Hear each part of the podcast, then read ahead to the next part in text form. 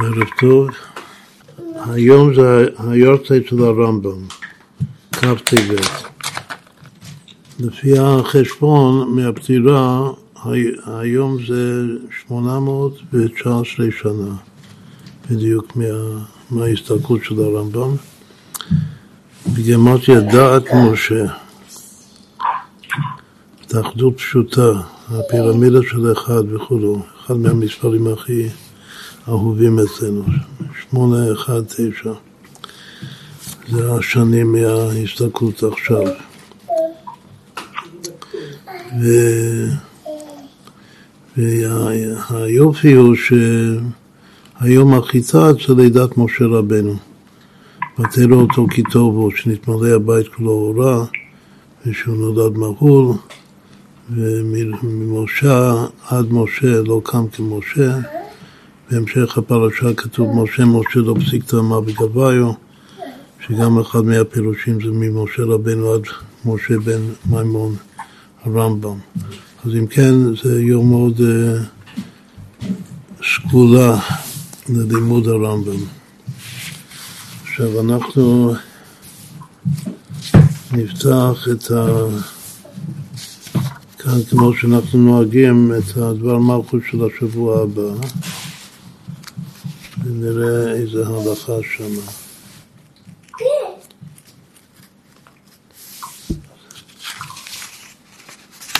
אז ניקח את ההלכה של יום שלישי בשבוע הבא, כוח טבת. וזה על המצווה מהמצוות הכי כלליות בתורה, לפני עיוור לא תיתן מכשול. וזה דווקא המצווה הזאת זה חלק מהלכות רוצח ושמירת נפש הרמב"ם. הוא כותב את זה קרוב לסוף, בפרק י"ב, יש י"ג פרקים בהלכות רוצח. אז בסוף פרק ב', בסוף פרק י"ב, הלכה י"ד כתוב כל המכשיר עיוור בדבר, יש גרסה אחרת בדרך. כל מי שמכשיר עיוור והסיעו עצה שאינה הוגנת, נתן לו עצה רעה. או שחיזק ידי עוברי אווירה, או אפשרות אחרת שהוא עזר למישהו, או עודד מישהו לעבור אווירה, או חיזק ידי עוברי אווירה. שכל מי שעובר אווירה הוא נקרא עיוור.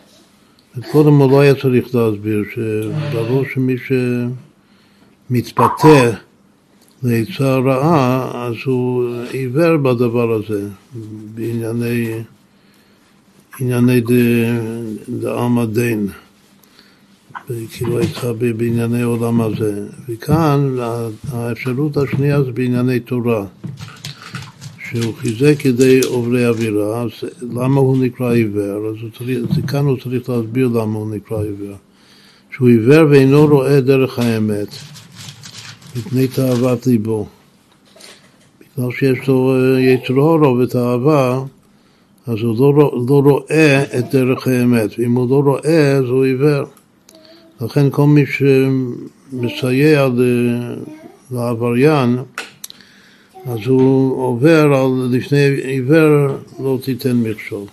הרי זה עובר בלא תעשה, שנאמר ולפני עיוור לא תיתן מכשול, ויראת מאלוקיך אני הוויה. עכשיו, לפני שנתחיל לומר כמה, כמה הקדמות לגבי uh, לגבי זה, יש פה חיטת, שם חיטת. לא, לא, לא.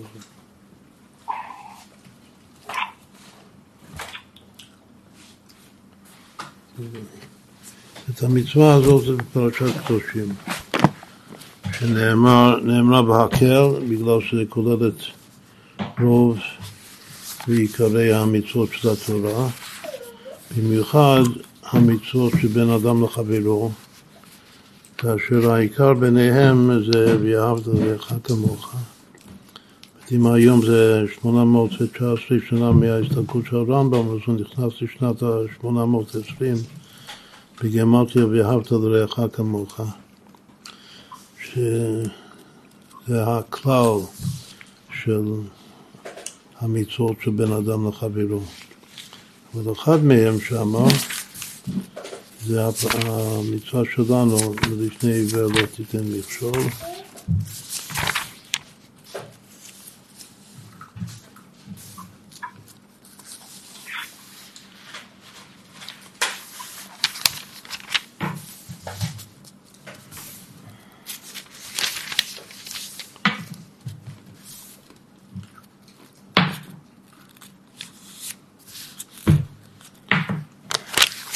פה תופעה מיוחדת כאן.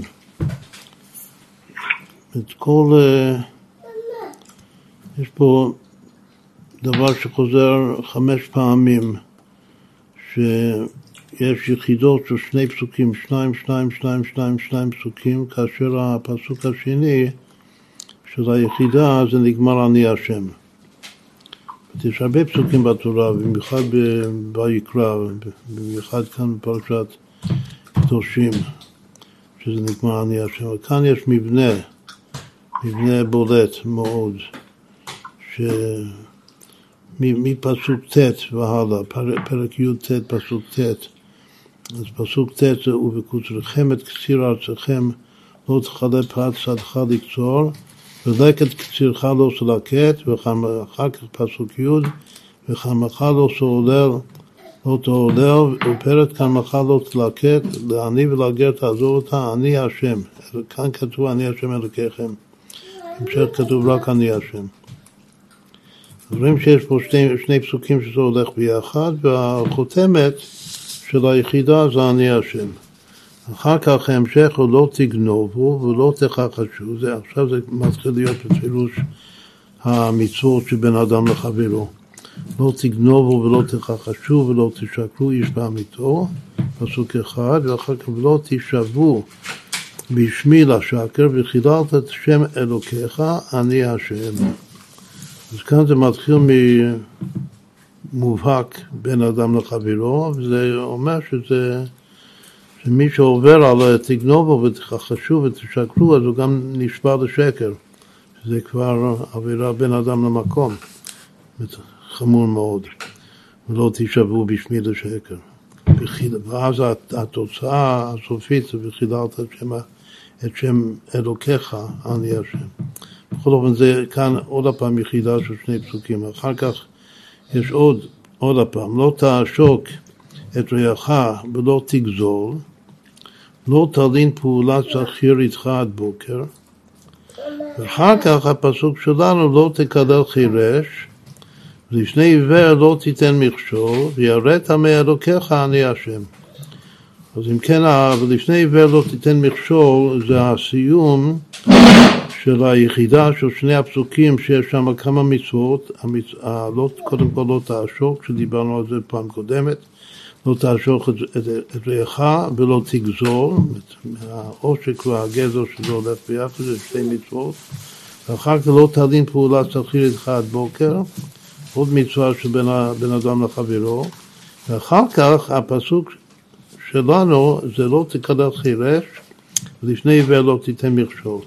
ויראת מאלוקיך, אני השם.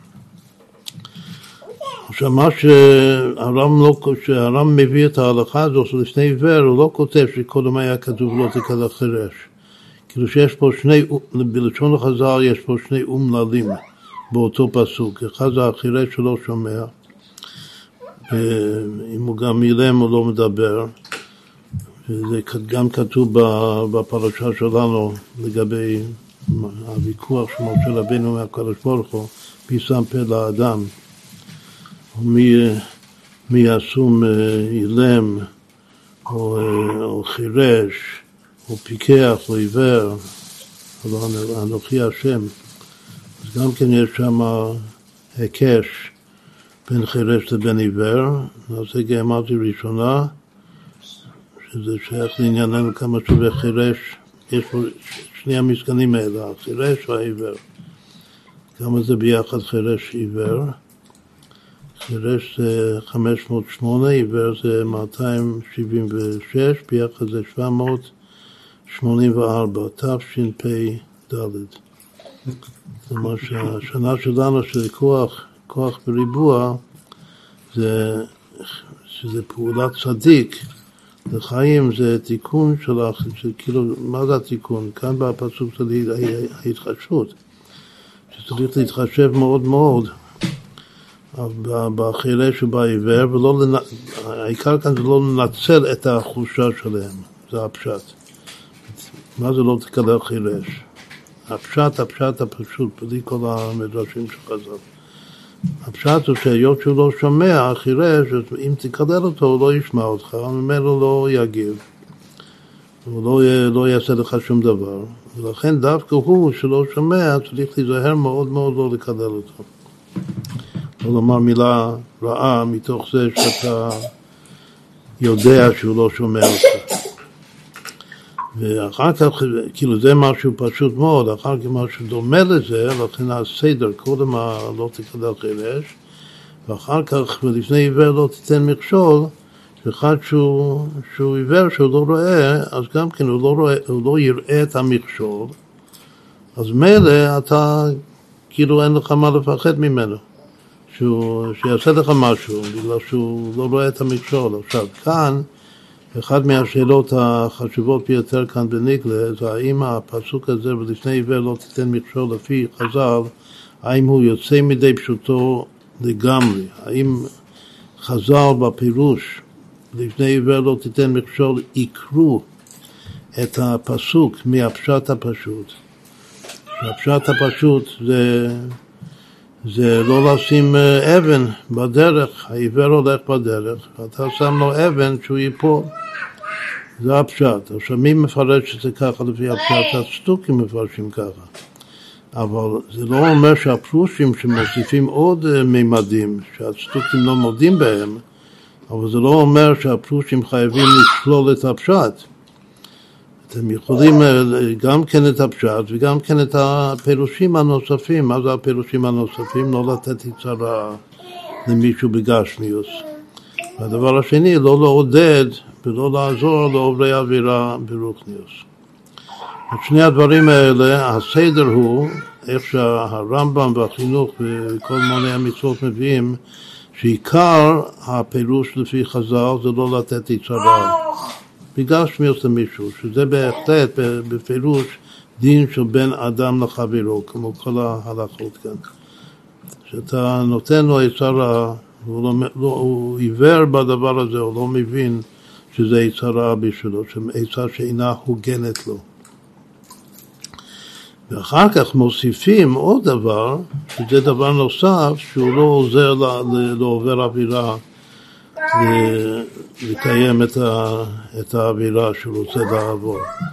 זה כבר, בעובר אווירה גופה, זה דין של בין אדם למקום עובר אווירה.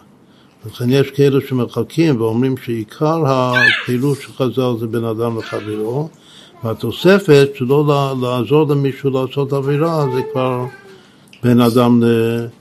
למקום. רק הנקודה הזאת, אה, לעניות דעתי, אף על פי שלעבור עבירה זה מצד האדם שעובר את העבירה זה בן אדם למקום, אבל מצד זה שנותן לו את העצה הרעה לעבור עבירה, לדעתי זה גם כן בן אדם לחבר. כלומר שהוא עושה רעה, החבר הזה יקבל עונש מן הסתם, אם הוא עושה עבירה ולא חוזר בתשובה. אז אתה מזיק לו. אז, אז לכאורה, ולכן זה גם כן יכול לתרץ כמה דברים, שני הדברים. את העיקר שזה, שזה נטו בין אדם לחברו, זה לא, לא לתת יצרה. אבל זה שזה גם, כמו שאנחנו אוהבים לומר גם וגם, שזה גם בין אדם לחברו וגם בין אדם למקום, זה לא לומר לו, לא לעזור לו לעשות עבירה. בכל אופן, זה שני, שני דברים שחז"ל אומרים, אבל כשמביאים את זה בהלכה, גם הרמב"ם וגם החינוך לא מזכירים בכלל את, הפ, את הפשט הפשוט של לא, לא לשים אבן בדרך לפני אדם שהוא עיוור ממש, בגשמיוס. את זה לא מביאים, אז יש בזה מחלוקת האחרונים, מחלוקת חזקה מאוד, האם באמת עוקרים את הפסוק לגמרי מהפשט, או שזה פשוט שגם הפשט הוא, הוא אסור, אף על פי שלא כותבים את זה בכלל. זו גם סוגיה חשובה כאן בדבר הזה. בכל אופן, אנחנו היינו באמצע שהיחידה הזאת של שני פסוקים, שזה נגמר אני השם, זה מתחיל מלא תעשוק. לא תעשוק את רעך ולא תגזול, אחר כך לא תדין פעולת שכיר איתך עד בוקר, ואחר כך לא תקלל חירש, ובסוף ולפני עיוור לא תיתן מכשול, ואז ויראתם אל היות שהוא יכול לטעון שנתתי, שהתכוונתי לטובה בעצה שנתתי לו. זה דבר שרק השם יודע מה, מה יש לו בלב. מכאן גם כן, מה, מה נלמד מפה? שזה מאוד חשוב לוורד שלנו. שהתחלת, כאילו, מה שכבר אמר את עיקר הוורד של, של השיעור הזה, האווירה הזאת של לפני עיוור לא תיתן מכשול, יש בזה שלושה שלבים. יש שלב אחד שהוא בלב, שבאמת הפילוש העיקרי שזה לתת עצה רעה למישהו, בגשמיוס. אז הדבר הראשון שיש לו כוונה להרע. אם באמת אין לו כוונה להרע והוא סתם טעה והוא חשב שזו עצה טובה, אז הוא ודאי לא עובר שום אווירה. אז כדי ש, ש, שתהיה פה החצימציה של האווירה בכלל, חייב להיות ש, שיש לו מחשבה רעה. אז הכל מתחיל ממה שיש בתוך הלב של המכשיר, שרק השם יודע את זה. לכן הסוף כאן זה ויראת מאלוקיך אני אביים. שאר היחידות שזה נגמר עם האני הוויה, זה בלי ויראת מאלוקיך. עיקר הדיוק שחזר כאן, זה ויראת מאלוקיך, בגלל שהשם יודע מה שיש בלב שלך. אחר כך, מה כתוב בהמשך? כתוב לא תעשו עוול במשפט, לא תישא פני דל ולא תהדר פני גדול, בצדק תשפוט עמיתך. מכאן לומדים חז"ל דן את כל האדם לכף זכות.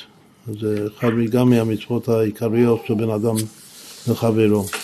אחר, אבל אין, אין פה בסוף אני השם. אחר כך לא תלך להכיל בעמך, לא תעמוד על דם רעך, אני השם. זה גם כן אנחנו דיברנו על זה, לא תעמוד על דם רעך. אז, אז כאן כתוב אני השם, כלומר שהאני השם הזה זה בא בסוף שני פסוקים, שזה לא לעשות עוול במשפט, לא, לא, לא, לא, לשאת פני דר, לא, לא תהדר פני גדול, בצדק תשפוט עמיתך, שזה ארבע מצוות, אחר כך לא תלך להכיל בעמך, זה עוד מצווה, לא תעמוד ריח, זה עוד מצווה, ובסוף שני הפסוקים האלה כתוב אני השם. אחר כך יש עוד אחד. זה שיש כל כך הרבה אותו דבר, זה מאוד אומר דורשני, התופעה הזאת בתורה. כתוב לא תשנא את אחיך בלבביך, הוכיח תוכיח את עמיתך. עכשיו אנחנו רק נאמר, אה, אה, לא רק שזה ציון שצריך, אה, כאן להעמיק כאילו להתעמק בהלכה הזאת, גם של ההלכה שלנו, של לפני ולא תיתן מכשול, אז, אז כתוב שזה קשור במיוחד להוכיח תוכיח את עמיתך, שזה בעצם ההפך. הוכיח תוכיח את עמיתך זה לתת לו עצה טובה. עכשיו יש שאלה האם, האם לתת לו הציווי, לתת לבן אדם עצה טובה, האם זה בתוך, נכלל בתוך האיסור של אסור לתת לו עצה רעה. גם כן דנים בזה האחרונים. אבל יש, יש אפילו ברמב"ם משמע שמתוך הלאו אתה שומע הן שכמו שאסור לתת לבן אדם עצה רעה, יש מצווה על כל אחד ואחד, על כל יהודי יש מצווה לתת גם כן לפי מה שיש לו בלב, לפי ההבנה שלו, לתת לחבר עצה טובה. עכשיו, לתת לחבר עצה טובה זה גם תוכחה, תוך האהבה. לכן זה מאוד מאוד קשור למצווה הזאת שבאה בהמשך, הוכיח תוכיח תלמידיך. אחר כתוב ולא תישא עליו חלק, זה פסוק אחד, לא תשנא את אחיך בלבביך, קודם כל צריך לבטל, לעקור את השנאה בלב, כמו שנסביר תכף, שיש היצר הורו, זה מתחיל משנאת חינם, הסיבה של החורבן. צריך לעקור את זה, ואחר כך צריך מתוך האהבה לקיים את ההוכח תוכיח, וגם כמו שהבר שם טוב אומר, שקודם תוכיח את עצמך, תמצא כל פגם שאתה רואה באזולה, צריך למצוא את זה בתוך עצמך ולעשות תשובה בעצמך, ואחר כך אפשר לומר לו גם שטוב לו עצה טובה לעשות תשובה. אז זה תוכיח על בין אדם למקום, אבל מה שאתה מקיים תוכיח תוכיח זה בין אדם לחברו, כמו שאמרנו קודם. אחרי תוכיח את עמיתך ולא תישא עליו חטא, שלא תוכיח אותו, לא תבייש אותו ברבים וכו'. אחר כך הפסוק שזה כלל גדול של כל התורה כולה. לא תיקום ולא תיטור את בני עמך, ואהבת לרעך כמוך אני הוויה. אז עוד פעם, אז עד כאן, זה, זה טוב שזה הסיום בגלל שזה השיא. וזה הסיום של חמש היחידות של שניים, שניים פסוקים שהולך ביחד כאשר הפסוק השני זה נגמר אני הוויה. רק יש פעם אחת שחוץ מהאני הוויה זה ויראת מאלוקיך אני הוויה, שזה כאן, ולפני עיוור לא תיתן מכשול. אז עד כאן זו הקדמה אחת, שזה כולל כאן את כל המצוות החשובות כאן בפרשת קדושים של בן אדם לחברו, שהשיא זה ואהבת לרעך כמוך. זאת אומרת שזו המגמה, היעד, להגיע ל"ואהבת לרעך כמוך". אולי נסתכל תכף על הסג, הסג אומר בפירוש, הוא כותב ש"ואהבת לרעך כמוך" זה "ואהבת לרעך כמו שאתה אוהב את עצמך". הוא אומר, זה, אלתר רבי כותב שזה זה ודאי התכלית, אבל זה, לא פשוט, זה מאוד, מאוד קשה.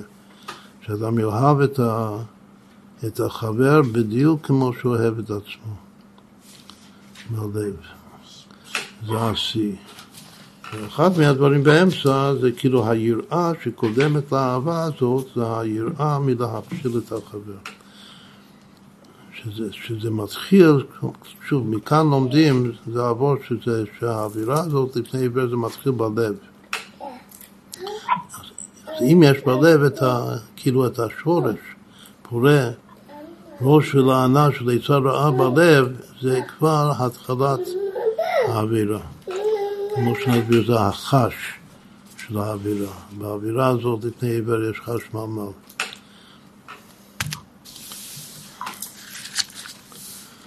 טוב, עכשיו מה ההקדמה השנייה? ההקדמה השנייה זה מה, אני שואל שאלה לתלמידים בחדר, מה האווירה הראשונה שכתוב בתורה? ומי עבר על זה? מה, מה זה האווירה? האווירה זה דבר רע, זה נגד רצון השם. מה הדבר הראשון הרע שמסופר בתורה שמישהו עבר, והתשובה היא שזה המצווה הזאת, לפני עיוור לא תיתן מכשול, שזה מה שהנחש פיתה את חווה. הרמב"ם משתמש בספר המצוות, הוא משתמש בלשון פיתוי, שהוא יכול להיות שהוא רומז לזה. מה שהנחש פיתה את חווה והיא חזרה ופיתתה את האדם הראשון. עד אז הם עשו רק מצוות, עשו דברים טובים, לא עובדה או לשומרה, כל שיקרא לו האדם הוא שמו, בגמרתי משיח, נתן שמות, והכל, גם כן יעזוב איש את אביו ואת אמו ודבק באשתו ויהיו לו בשר אחד, זה הכל מצוות. אפילו הלא יתפוששו זה גם כן תוך כדי מצווה. רק שזה היו עיוורים, השם ברא אותם עיוורים לפיתוי, זה היה ולא יתפוששו, עיוורים לפיתוי של הנחש. אז אם כן המצווה הזאת זה בעצם ההתחלה של כל התורה כולה. וכל הצרות, שזה מתחיל מהפך החיים, הגזירה של מות המות, זה האכילה מעץ הדעת, שזה ההפך מדת משה, 819 שלנו, שזה דת המכריע. ומי עבר את האווירה הנחש. אז סימן גם כן שכל יהודי שעובר את האווירה הזאת, אז, אז הוא אה, נחש, נחש קטן, נחש גדול. הנחש זה מי שמכשיל את הזולת בדרך. עכשיו יש שאלה גם כן בהלכה, האם המצווה הזאת, ולפני עיוורת לא תיתן מכשול, זה רק ליהודים, או שזה גם לגויים. המסקנה שזה גם לגוי, שאסור להושיט איבר מן החי לגוי, ועוד דברים אסורים לו, אסור. עכשיו יש בזה הרבה הרבה פלפול, מה, מה הדין הזה לגבי גוי. אבל בגן עדן מקדם, אז לא היה בדיוק עדיין הבדל בין יהודי לגוי, ושם זה קרה האווירה הזאת. מכאן השתלשלו כל, ה... כל הלא טוב שיש בתורה, שיש במציאות.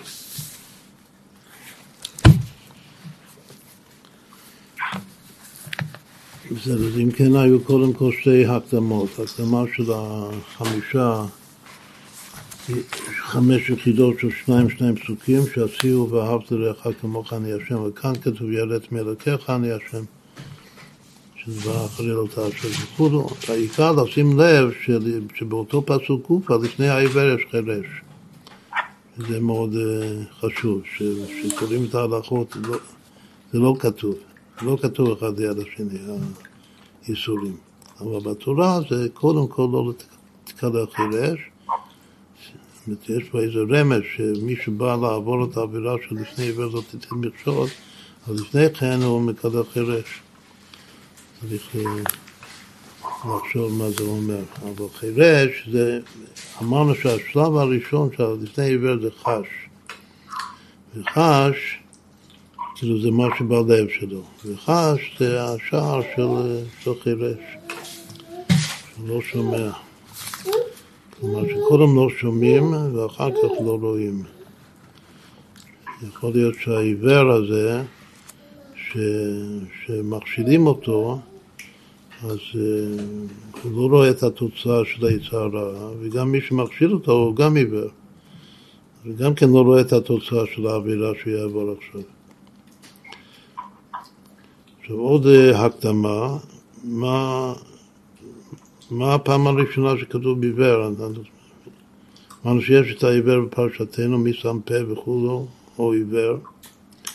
אבל אנוכי השם, משה רבנו, תוך כדי הוויכוח השם אומר לו את זה. אבל הכל הולך אחר הפתיחה, זו עוד שאלה כללית, עוד הקדמה כללית. איפה העיוור הראשון בתורה? אז העיוור הראשון של התורה זה, זה לא, זה אותן אותיות, כתוב שזה אותו שורש, אותו מילה, אבל בניקוד אחר, זה אור. יעשתם מהשם אלוקים קודנות אור וילבישם. עכשיו אור זה ההיטטאה של עצם גידים בשר אור. של הגוף של הבן אדם. זה הלבוש החיצוני. לפני החטא היה חשמל, ובספר תורה של המר כתוב כותנות אור עם א', ש... שזה בעצם איך הופכים את הכותנות אור עם, עם, עם עין לכותנות אור עם א', שזה מחזירים את החשמל הקדמון לאדם, שזה חשמל זה חשמל מל. עושים את זה על ידי שדווקא את החלק העשה שנשמע, בכלל לאו עשה, שזה לתת עצה טובה. קודם כל, שהאדם יתבונן בלב של עצמו מה העצה הטובה ושייתן את זה. ולאחרונה יש, יש הרבה, כאילו הדוגמה, מה שחשבתי, הדוגמה העיקרית שאדם צריך להתבונן בשביל לתת עצה טובה זה בענייני שידוכים.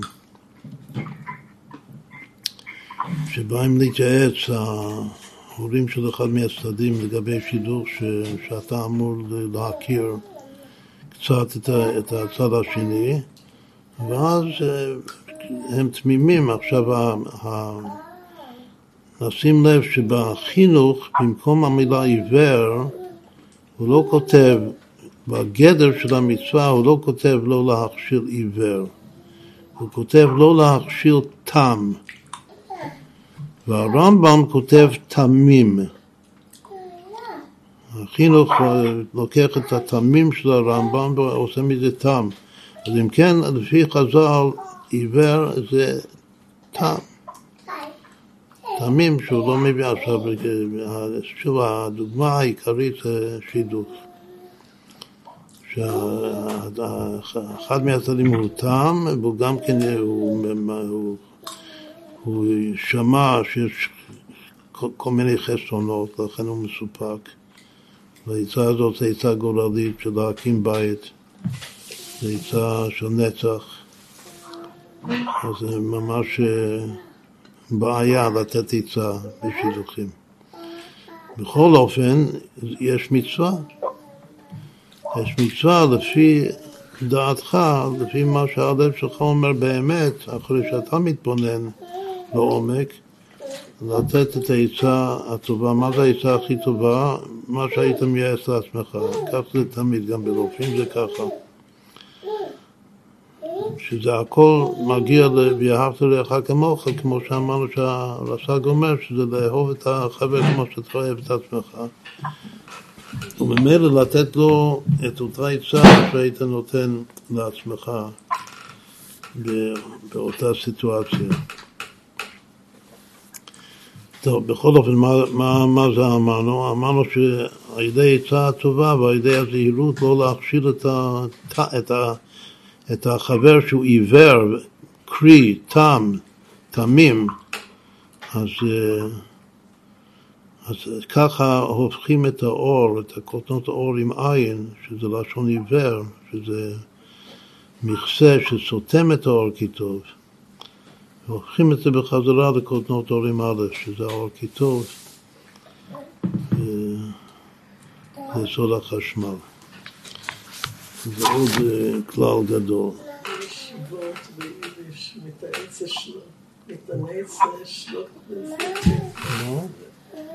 יש איזה ביטוי ביידיש, שאם יצא לו את העץ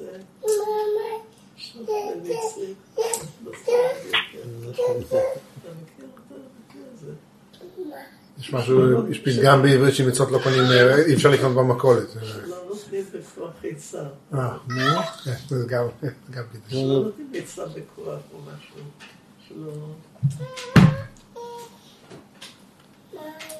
לא נותנים עצה בכוח. לא מכיר את הביטוי ביידיש. הרבי כותב בגרות קודש הרבה פעמים.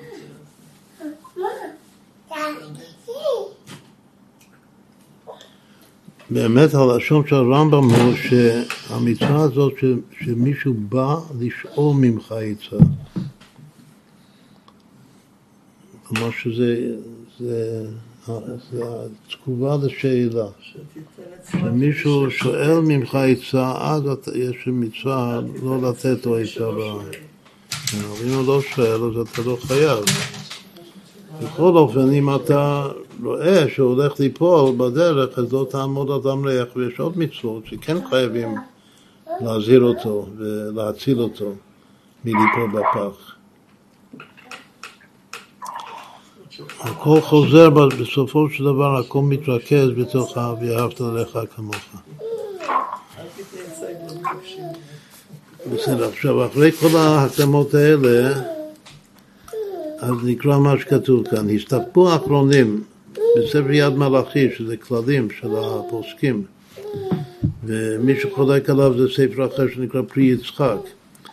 האם המכשיל בעצה שאינה הוגנת או בדבר אסור, שזה שני, שתי הבחינות, שאחד זה בין אדם לחברו בטוח, והשני יש מי שאומר שזה בין אדם למקום, אבל אנחנו אמרנו שזה גם בין אדם לחברו. האם הוא עובר על איסור לפני עיוור רק באשר חברו נכשל, אך אם לא נגרם כישלון, אינו עובר. זה צד אחד. מתי יש את סוף העבירה? שאדם עבר, אני אומר שהוא עבר על לפני עיוור לא תיתן מכשול. האם זה רק אחרי שהאדם קיבל את העצה הרעה ונפל, כאילו נכשל, אז הוא עובר, שהוא נתן את, שהוא נתן את העצה, הוא הסיבה. כאילו הסיבה הגורם כאן, זה נקרא גרמי, שזה כאילו גורם קרוב, כתוב שלפני דלפני הוא לא עובר. אם יש לפני דלפני, כמו שנראה תכף, אסור, אה, אסור למכור לגוי אה, נשק, אבל אה, שזה מאוד מאוד נוגע לנו עכשיו, ההלכה הזאת. זו ההלכה שהרם מתחיל ממנה בעניין לפני עבר. אבל אם זה למכור לגוי שמגן עלינו, כמו היום למכור לאמריקה שעוזרים לנו, אז על פי פשט זה מותר, אבל אם יודעים שאותו אחד שאתה מוכר, שהוא לא יזיק לך, והוא ימכור למישהו אחר שכן יזיק לך, שכן עלול להזיק לך, אז זה גם זה נקרא לפני דלפני. אז השאלה באיזה... סתם לפני דלפני זה, זה, זה לא אסור, זה מותר. אבל יש, יש לפעמים שגם זה אסור. שוב, זו סוגיה גדולה בפני עצמה. יש לפני ויש לפני ולפני. יש רמז, נעשה רמז ביניים. כתוב, כתוב לא תקלל חירש, חירש, ולפני עיוור לא תיתן מכשול. לא את העיוור, את הלפני עיוור, החירש הוא חירש. אסור לקלל אותו, אבל זה שאסור לתת מכשול זה דווקא לפני עיוור. אז מה זה הרמז? שלפני עיוור זה האותיות שלפני עיוור. מה האותיות לפני עיוור? לפני עיוור לא תיתן מכשול. שלפני עין זה סמך, לפני ו' זה ה', לפני ר' זה ק', זה סמך ה' ק'. כמה זה שווה? 165 זה אותו דבר כמו המילה עצה. אז רואים, כאן זה רמז יפהפה, שכאילו, מה שאמרנו שחז"ל לכאורה מוציאים את הפסוק הזה מפשוטו. אבל כאן, לפני עיוור זה שווה עצה. עכשיו, כמה זה ביחד? יש גם את העיוור, לא שביטלנו את העיוור. רק הוספנו לעיוור גם את הלפני עיוור. אז כמה זה עיוור פלוס... עצה. פלוס 100, זאת אומרת עיוור זה 276, פלוס 165, שזה הלפני עיוור. אז כמה ביחד? זה שווה אמת. 21 בריבוע. המצווה זה להביא את העיוור שלנו להכיר באמת, מה באמת טוב. אבל לפני דלפני לא דורשים, כלומר שלא עושים עוד פעם לפני הסמכי קוף, עוד פעם לפני דלפני, רק לפני עיוור, פעם אחת, שזה היה רמז לחזק את דברי חז"ל שהלפני עיוור זה עיצה, מדובר כאן בעיצה. שוב, מה כאן החקירה שלנו? החקירה מתי הוא עובר את האווירה. לא בזמן שהחבר נכשל בפועל, אז אני אומר שהוא עבר את האווירה, או שבעצם כשהוא אומר את העצה הרעה, יכול להיות שהחבר לא ישמע בעצה שלו, לא, לא יקבל את העצה שלו. או שלא יקבל את זה, או שזה לא יצא לו. הוא ינסה לעשות מה שהוא אמר וזה לא יצא. אז בפועל העצה הרעה לא יתקיים. השאלה האם. האם זה שנתן את העצה הרעה הוא כבר עבר את העבירה ברגע שהוא אמר את זה, אף על פי שזה לא יצא לפועל, או שהעבירה זה רק אחרי ש... שהוא ייכשל. נורא הפשט הפשוט, שזה עצם נתינת עצה. מה? לפני עיוור לא תיתן ממך, כתוב שאל תכשיל עיוור. לא, לא תיתן ממך. יפה, אז זה מה שאני חושב, זה מה שהריפלה חושב. ועוד הרבה חושבים ככה, שהפשט הפשוט זה שאתה עושה את ה... לפני עבר לא תיתן מישהו, זה המילה תיתן, מה זה תיתן? שאתה נותן את זה, שאתה שם את זה. ברגע שאתה שם את המכשול, אתה עברת את העבירה, אפילו שזה לא יתקיים בפועל. ככה אני חושב שזה הפשט. שאלה כמה עונשים. אבל מהדיוק, ב- מה שמדייקים ברם, כמו שנראה תכף, אז אה, נראה לא ככה. נראה שהרם סובר, בספר החינוך, ואפילו הרס"ג, ששלושה אלה סוברים שהאווירה זה רק אם הוא נחשב, כלומר שבעצם הם מקילים. שאדם לא עבר את האווירה שלפני עיוור לא תיתן מכשול עד שהוא לא ייכשל בפועל. אבל בזה שאמרו את העצה הרעה, הוא עדיין לא עובר את העבירה. אבל שוב, כשקוראים את הפסוק בתורה, שוב, משמע שזה, אז עוד פעם להוציא מהפסוק. אז להוציא מהפשט אה, לקולה. בכל אופן, אני חושב שזה, רגע, שהפשט זה, זה לחומרה, כאילו, גם- זה לחומרה. שברגע שהוא אומר את העצה הרעה, או ברגע שהוא הוא מעודד אותו, הוא לעבור עבירה, הוא אפילו מושיט לו ביד דבר אסור לאכול.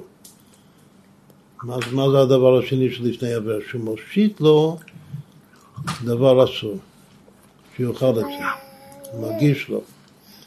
עכשיו, יכול להיות שבסוף הוא לא יאכל את זה. האם הוא עבר, ברגע שהוא הגיש לו את הדבר האסור, האם הוא עבר על- לפני עיוור או שלא עבר? אז אה, שוב, לי משמע שהוא כן עבר, בגלל שהוא הוא שם את זה, נתן לו. אבל יש שאומרים שלפי הגדולים, שזה הרס"ג והרמב"ם והחינוך, טוב, החינוך זה פשיטה שזה הולך בדרך הרמב"ם, בדרך כלל. הם סוברים שהוא צריך להיכשל בפועל. עכשיו, זה, ה- זה כאן, לא.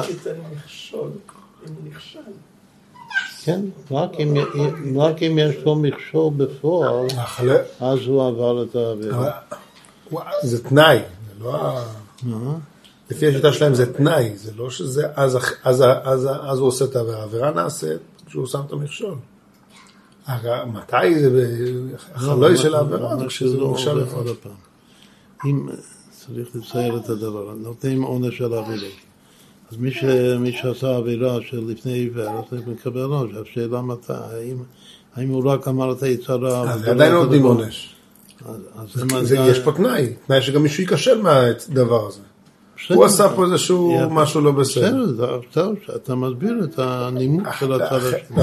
אחרת אי אפשר... אה, זה נכון. צריך היה להבין את הנימוק, זה ודאי הנימוק.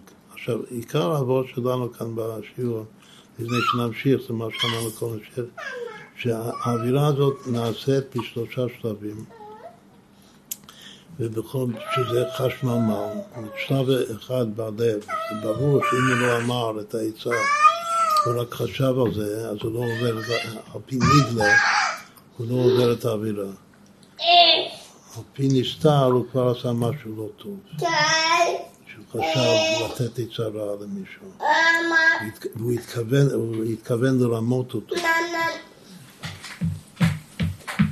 אחר כך יש שני שלבים, שזה השלב שהוא שם, שהוא נותן את העצה הרעה, והשלב שהעצה הרעה מתקיימת בפועל. אז לדעתי, כמו שאמרנו הרבה פעמים, אי אפשר לומר בסכינתא חריפתא שהאווירה זה רק זה או רק זה. הוורט הוא שזה גם זה וגם זה. כלומר שיש שלב מסוים, היחתים זה, יש בחינה מסוימת שהוא עבר, הרי העבירה הזאת אין מלכות. או בגלל שאין לו מעשה, או בגלל שזה לאו שבכללות. יש שתי דעות. לפי החינוך אין מלכות על, לא, על בשני עיוור בגלל שזה אין בו מעשה בפועל, זה רק לתת, לומר את זה. הוא לא עשה שום דבר. אז זה יש שאלות, שאם הוא הוסיף לו דבר איסור, אז לכאורה הוא כן עשה משהו. בכל אופן, ככה החינוך כותב, שאין בו מעשה. הר"ם כותב שזה נקרא לאו שבכללות, שאין על זה מלכות. אז אין מלכות, אז כל הדיון כאן זה מתי הוא עבר את הגברה כלפי שמיא. עכשיו, כלפי שמיא זה עוד יותר ש... ש... הוא, זה שהוא נתן את העצה הרעה הזה, הוא ודאי עשה משהו לא טוב, לכולי עלמא. עכשיו, אם, אם זה ברור שהתורה אומרת שהוא עשה משהו לא טוב, אז זה כבר עבירה. ודאי לא ייתנו לו שכר על זה.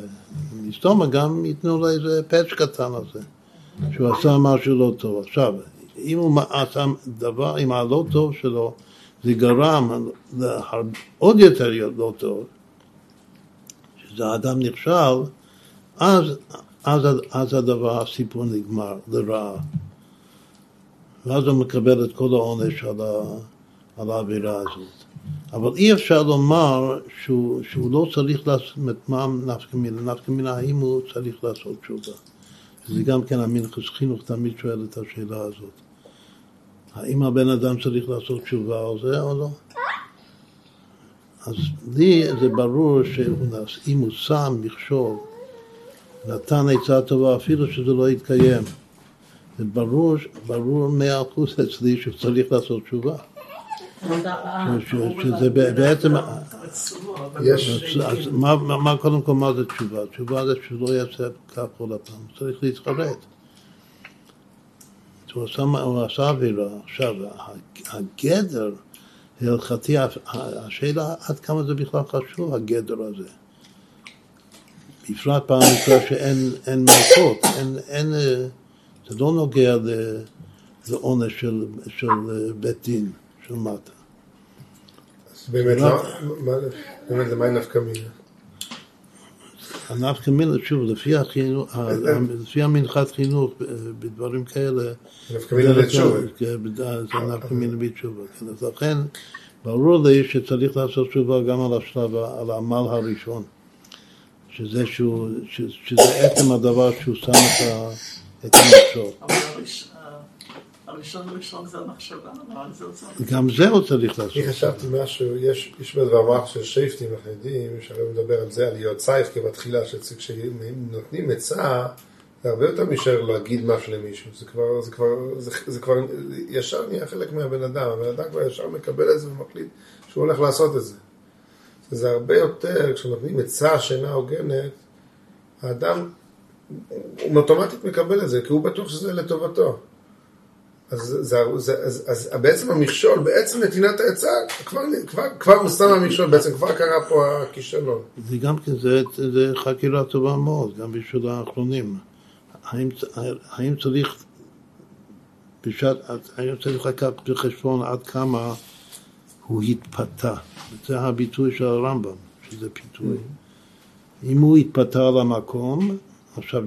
עדיין ייתכן, אף על פי שהוא כן התפתה, הוא חושב שהוא הולך לעשות את זה, אולי בסוף זה לא יצא, מכל מיני סיבות.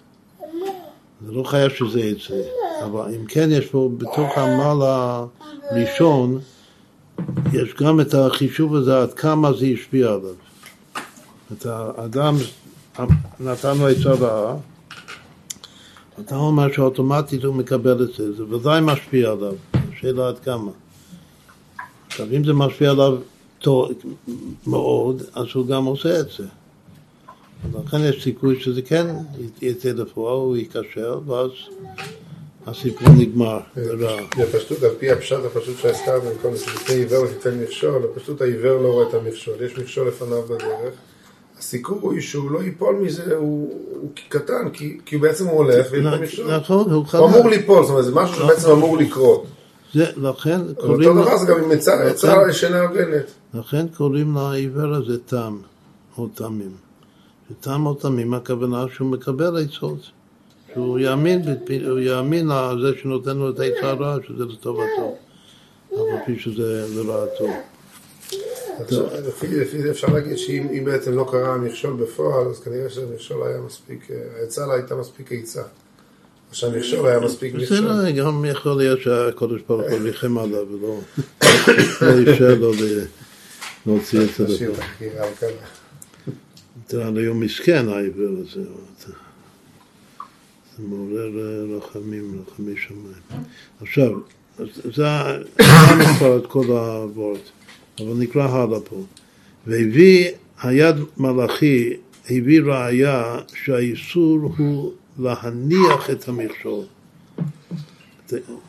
עכשיו הוא מביא את שני הצדדים, מי אומר ככה ומי אומר ככה.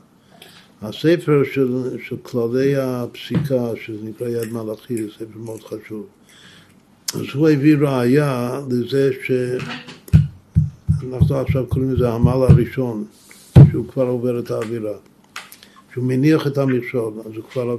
גם אם חברו לא נכשל, אף על פי שהחבר לא נכשל, ברגע שהוא שם את המכשול, הוא עבר את האווירה. מאיפה הוא מביא ראיה? מסופר בגמרא שאדם היכה את בנו הגדול. כתוב שאסור להכות בן גדול. בן קטן, ילד קטן, לפני, לפעמים צריך להכות, לתת לו פאץ', בשביל להדריך אותו בדרך הישרה. אבל בן גדול, שהוא כבר עם דעת, אסור לתת לו, גם כשהוא עושה דברים רעים, אסור לתת לו מכות. למה? בגלל שהוא יכול להחזיר, חס ושלום. אם הוא יחזיר מכה לאבא שלו, אז זו אווירה חמורה מאוד. לכן צריך להיזהר מזה, לא לתת לו מכות. ומסופר בגמרא שפעם אחת אדם היכה את בנו הגדול, ואמרו שיש לנהוג בו נידוי. החכמים אמרו שצריך לשים אותו בנידוי, זה האבא. האבא שהיכה את הבן הגדול צריך לנדות אותו. ככה מסופר בגמרא. ומשום שלמה? בגלל שהוא עבר על לפני עיוור לא תיתן מכשול. זה שהוא היכה את הבן הגדול, זה נקרא שהוא עבר על לפני עיוור, בגלל שהוא, שהוא לפני עיוור, זה זה ראיה. כל דבר שאתה עושה שזה יגרום שמישהו אחר יעשה עבירה, זה נקרא לפני עיוור. אז היות שהוא היכה את הבן הגדול, שזה גרם שייתכן שהבן הזה ייכשל. ויחזיר לו. כי ייכשל, אז לכן הגמרא אומרת שהוא עבר לפני עיוור, בגלל שהוא עבר לפני עיוור, אז לכן שמו אותו בנידוי. עכשיו מה, מה הוא מדייק מהסיפור הזה? הרי הבן הזה לא היכה את אבא שלו עדיין. אז אנחנו רואים שלפני עיוור זה לפני שהוא נכשל. זה רק שהוא יכול, היות שיכול להיכשל, אז זה נקרא שהוא כבר עבר על לפני עיוור. אז ככה הוא מביא את הראייה מהמקום הזה. כי יש לחשוש שמרוב כעס הבן יכה את אביו, יעבור על איסור מכה אביו ואמו, איסור חמור. ואף שאין ודאות שהבן ייכשל, זה לא ודאי שהוא ייכשל ויכה את, את אבא שלו, את אביו.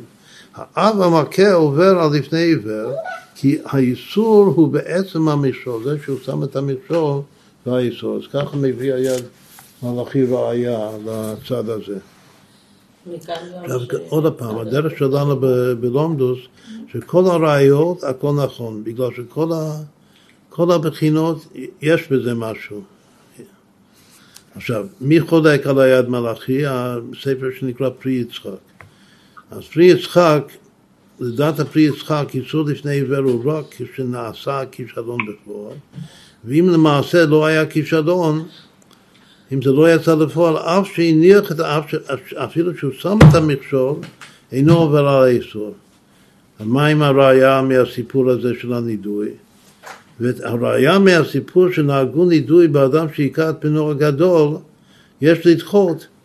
כי אף שאינו עובר מיד על לפני עיוור, שהרי ספק אם הבן ייכשל ויכה את אביו. מכל מקום,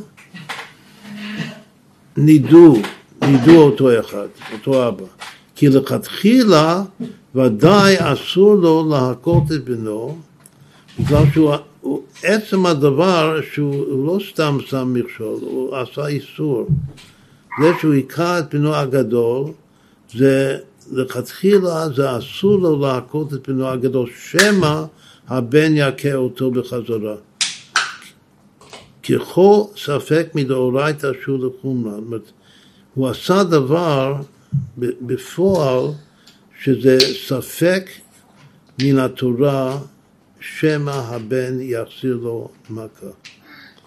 והיות שהוא עשה דבר שזה ספק דאורייתא אם, אם, אם הבן יחזיר לו, אז אומרים שספק מדאורייתא לחומרה, כלומר שהוא, שהוא עשה איסור בזה שהוא היכה את הבן הגדול. זה לא מאה אחוז ברור לי, אבל כך כתוב כאן שהוא מסביר שלכן הנידוי כאן אפשר לנדות אותו גם בלי לומר שהוא עבר את העבירה של לפני עיוור. רק בגלל שהוא עשה ספק, שהוא עשה משהו שזה ספק מדאורייתא. ספק מדאורייתא אנחנו דנים את זה לחומרה, או מדאורייתא או מדרבנן, אבל זה לחומרה. בכל אופן, לפי דרכנו זה פשוט מה שהוא כותב כאן. מה שאנחנו אומרים שיש ודאי שלב של איסור בשימת המכשול, אבל זה, זה לא הסוף, זה לא, זה לא סוף האיסור, התכלית של האיסור זה, זה שהוא נכשל. לא כל מכשול זה ספק דאורייתא. מה שהוא אומר, אז צריך לחלק בין אם זה איסור, לפני עיוור זה על איסור דאורייסא או איסור דרבון. אם זה איסור דאורייסא, אז אנחנו ננדה על זה. אם לא, אז זה לא. זה עוד אה, קושייה בין של האחרונים. מה אם, ה... מה אם האדם נו- נותן עצה רעה לעשות איסור דרבנן? האם הוא עובר מדאורייתא לפני עיוור או לא? היות שזה רק איסור דרבנן, אז אפשר לומר שמן התורה הוא לא עשה שום דבר. לא שמן התורה זה, התורה זה מותר. בסדר, יפה מה שאתה אומר. בכל אופן, יש צד לומר שהיות שזה לא אסור מדאורייתא, אז הוא לא עבר. אבל מי שאומר לא ככה, לא אומר בגלל שזה, שכל מה שמדרבנן זה גם מדאורייתא, זה גם נכון. שאלה למה לא אומרים ככה. בכל אופן, מה שהוא אומר, הוא אומר שזה לא יותר גרוע מלתת עצה רעה בעניין גשמי, שזה לא מצווה בכלל. אם האדם נותן עצה ב- בעניינים גשמיים, במקח ומקח, אז הוא עובר. אז עכשיו, אם הוא נותן לו עצה רעה לעבור עבירה מדרבנן, אז זה לא יותר גרוע מזה. כן. סברה פשוטה. אבל בכל אופן לא כולם מסכימים לזה. יש מי שאומר שאם זה, זה מדרבנן, הוא לא עובר.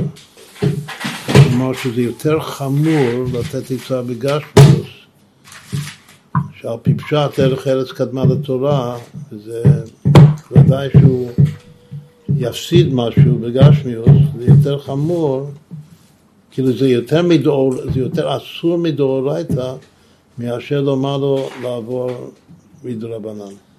זה רק מדרבנן. זה, זה חידוש אה, מופלא. עכשיו, לדרכנו הכל מיושב, בגלל שאנחנו חובקים את כולם. עכשיו, וכן דייק, עכשיו, עכשיו הוא מביא בסוף. הדיו, המחלוקת הזאת, האם הוא עובר מיד כשהוא נותן את העצה הרעה, או רק אם, זה, אם המכשול מתקיים בפועל? הגריף, הביאור על ספר המצוות של הרש"ג, שזה פירוש מאוד מאוד מאוד חשוב, שהרבי מאוד אוהב את הפירוש הזה, אז הוא אומר שמלשון הרמב"ם כאן, איך, איך הרמב"ם בהלכה שלנו, תכף נסתכל בפנים, איך הרמב"ם מגדיר את האיסור? הוא מגדיר, הוא אומר, כל המכשיל עיוור בדבר, הרי זה עובר בלא תעשה.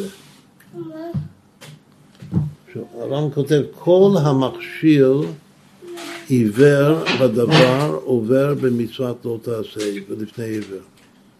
אז מה הוא מדייק? אף אחד לא כותב בפירוש, רחל בתך הקטנה. לכן צריך לדייק. וכשמדייקים אז אפשר לטעות.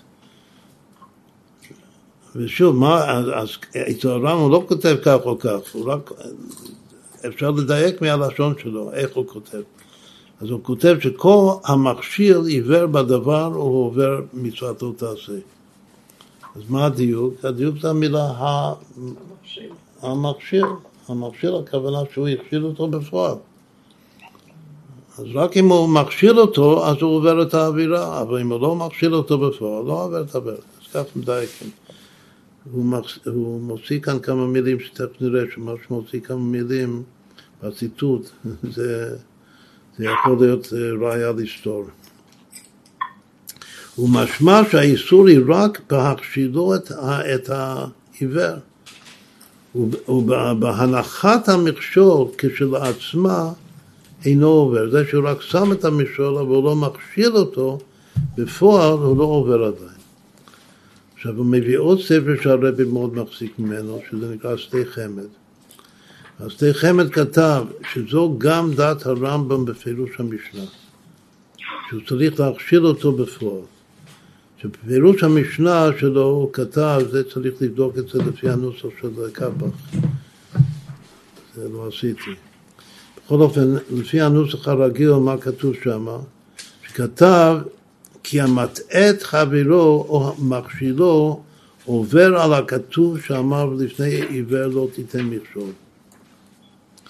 אם היה הוא סיבה לעבור העבירה, ככה, שוב, זה תרגום מערבית, אז צריך מאוד לדייק מה כתוב שם.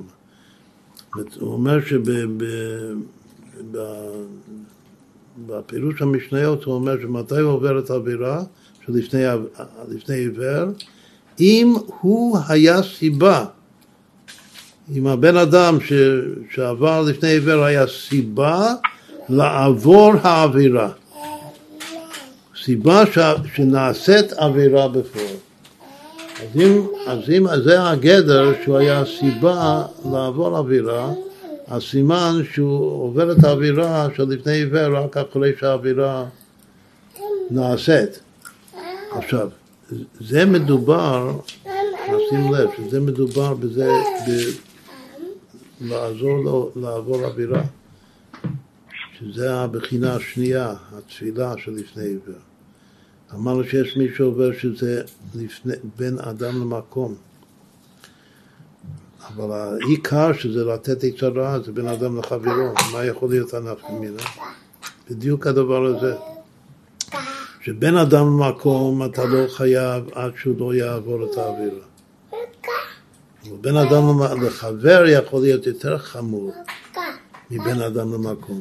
בין אדם לחבר יכול להיות שגם שברגע שאתה נותן לו את הרעה, שמסתומה הוא מקבל את זה כמו שאמרת קודם, אבל בכל אופן אתה מפתה אותו, משהו רע לא בגשמיוס, ייתכן מאוד שהבין אדם לחבר הזה זה יותר חמור מבין אדם למקום, שזה רק שהוא עובר עבירה, זה גם כן חילוק של העמל מל.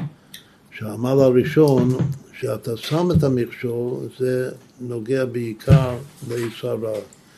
והעמל השני שעובר את העבירה זה נוגע בעיקר לעבור עבירה, כמו שכתוב כאן על השון בפירוש המשניות. משמע שאם לא נעשתה העבירה, אין המטה עובר. אז כאן, מה הוא הביא כאן בסוף? שיש פה שני ראיות כאילו, שני ראיות, אחד מהיד החזקה, שכתוב כל המכשיל, ואחד מהפירוש המשנה שכתוב שהוא, שהוא סיבה לעבור העבירה, שזה משמע שהרמב"ם סובר שבעצם, כמו שאמרנו קודם, הוא מקר, שהעבירה זה רק בגמר המכשול. עכשיו, כל זה קראנו בדבר מלכוס. עכשיו, איך הוא כותב את זה בדיוק? אז אמרנו שזה מעניין שהשלוש ההלכות האחרונות של פרק י"ב הולך ביחד. זה הלכות רוצח. קודם כל זה שהוא שם את זה, את לפני עיוור לא תיתן מכשול ביסוד רוצח, יש פה איזה רמז שמי שנותן עצה רעה או מכשיר מישהו באווירה הוא רוצח אותו. באמת כך, חז"ל אומרים, כמו למדנו שכל הגוזל הוא נותן נשמה, אבל עוד יותר כתוב שכל מי. שנותן יצרה, הוא הורג אותו.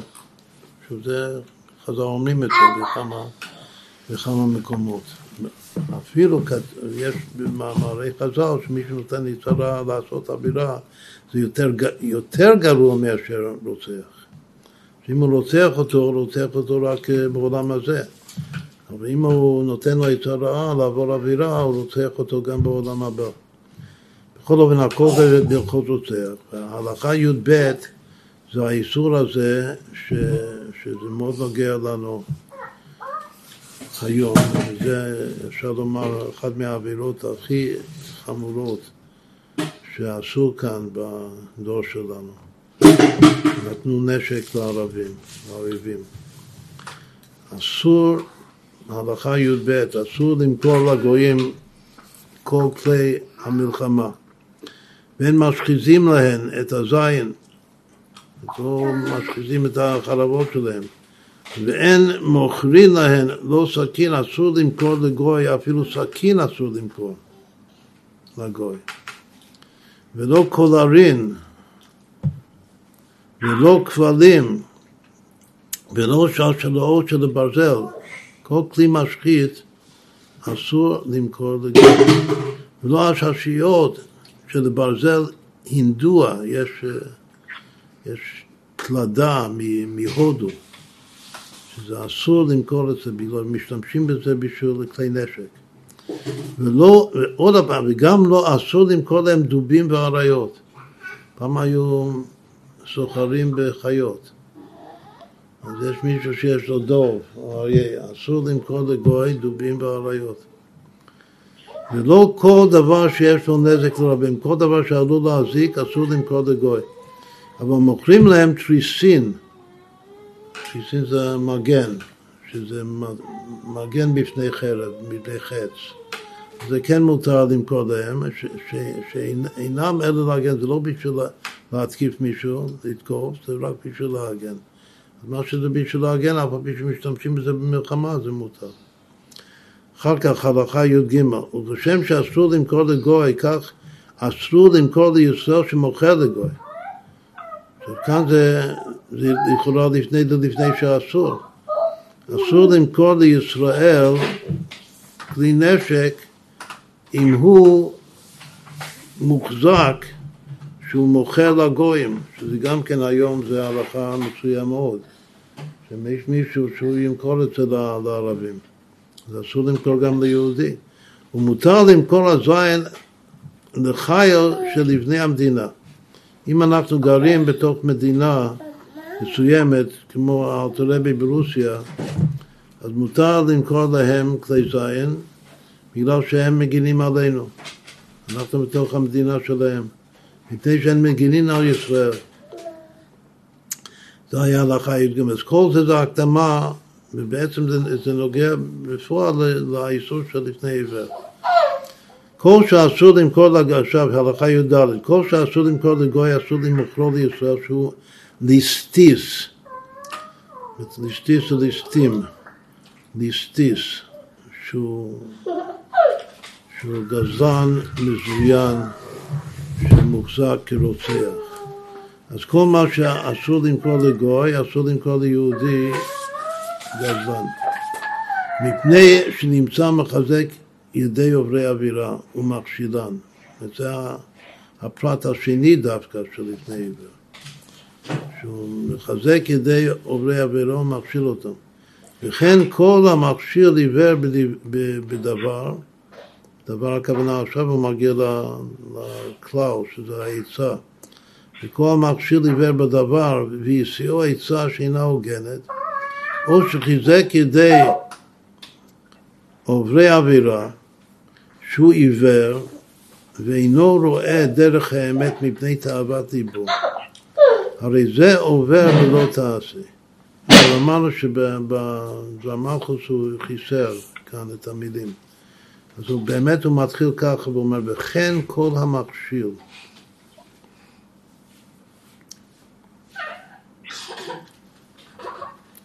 עכשיו נחזור רגע. הוא מתחיל מזה ש, שכל, שאסור למכרו לישראל שהוא ליסטיס. כמו שאסור למכור לגוי גם כן כלי מלחמה. מתי הוא עובר? הוא מוכר, שהוא מוכר את הכלי זין האלה. הוא עובר ש- שהוא מוכר, שזה שהוא שם את המכשול. לא שאתה אחד ישתמש בזה לרעה. ברגע שהוא מוכר לו, אז הוא עבד, זה פשוט. אי אפשר- לומר את זה. ההמשך, מפני, מפני שנמצא מחזה זה שהוא מכר לו, והוא ליסטיס, הוא, הוא משתמש בכלי נשק, אז מפני שנמצא מחזק ידי עוברי עבירה ומכשילן, הוא כבר מחזק את ידיו ומכשיל אותם בזה שהוא מכר. אז כאן זה ברור, זה לא, לא שום ספק, שזה לא אחרי שהוא, אה, שהוא הרג מישהו עם זה. זה בעצם ברגע שהוא נתן, שהוא מכר לו את זה. אחר כך הוא כותב וכן, אותו דבר, כל המכשיל עכשיו באמת, אם רק היה כתוב מכשיר, אז הייתי יכול לומר כמו ה... כמו ה... כאן ה... היד מלאכי וכולו, אלו שסובלים, לא כמו היד מלאכי, הפרי יצחק, והשאר שסובלים שה... שהרמב"ם אומר שזה רק אם יש תוצאה. לפני שנמשיך נאמר את הוורד, איך אומרים, כל הסוגיה הזאת, איך אומרים אותו בלומדוס. האם האיסור זה הפעולה או שהאיסור זה התוצאה? האם האיסור זה הפעולה שהוא עשה משהו, שהוא נתן עצה רעה או שהוא כאן מכר לו נשק? האם זה האיסור, הפעולה שלו, או שהאיסור זה התוצאה? עכשיו, מה אנחנו אומרים? אנחנו אומרים שבמקרים כאלה, זה ייתכן מאוד שגם זה וגם זה. כמו שגם הרב צ'ובר אומר, שלפעמים האיסור זה גם הפעולה וגם התוצאה. אז אם זה גם הפעולה וגם התוצאה, זה גם שהוא נותן את הרעה או עשה העבירה, וגם כל שכן וקל וחומר שאותו אחד עשה את העבירה, את, את המכשול, אז ודאי שזה עבירה. אז מה הוא כותב כאן? כמו שמי שמוכר עובר את האיסור הזה, כן כל המכשיל עיוור בד- בדבר, הוא מכשיל אותו באיזה דבר, שוב יש גרסה שכותב, במקום בדבר כותב בדרך, שמכשיל אותו והשיאו עצה שאינו הוגנת. עכשיו זה שאומר והשיאו עצה שאינו הוגנת, אני קורא את זה שזה מרגע שהוא השיא אותו את העצה. זה לא מרגע שזה התקיים, שהוא קיים את העצה. הוא מגדיר. שהמכשיר, ככה אני קורא, שהמכשיר זה לא מי שמכשיר שזה המכשול יצא לפועל, הוא מכשיר אותו בכך שהוא השיא אותו עצה שאינה הוגנת. אז זה כבר נקרא שהוא הכשיל אותו.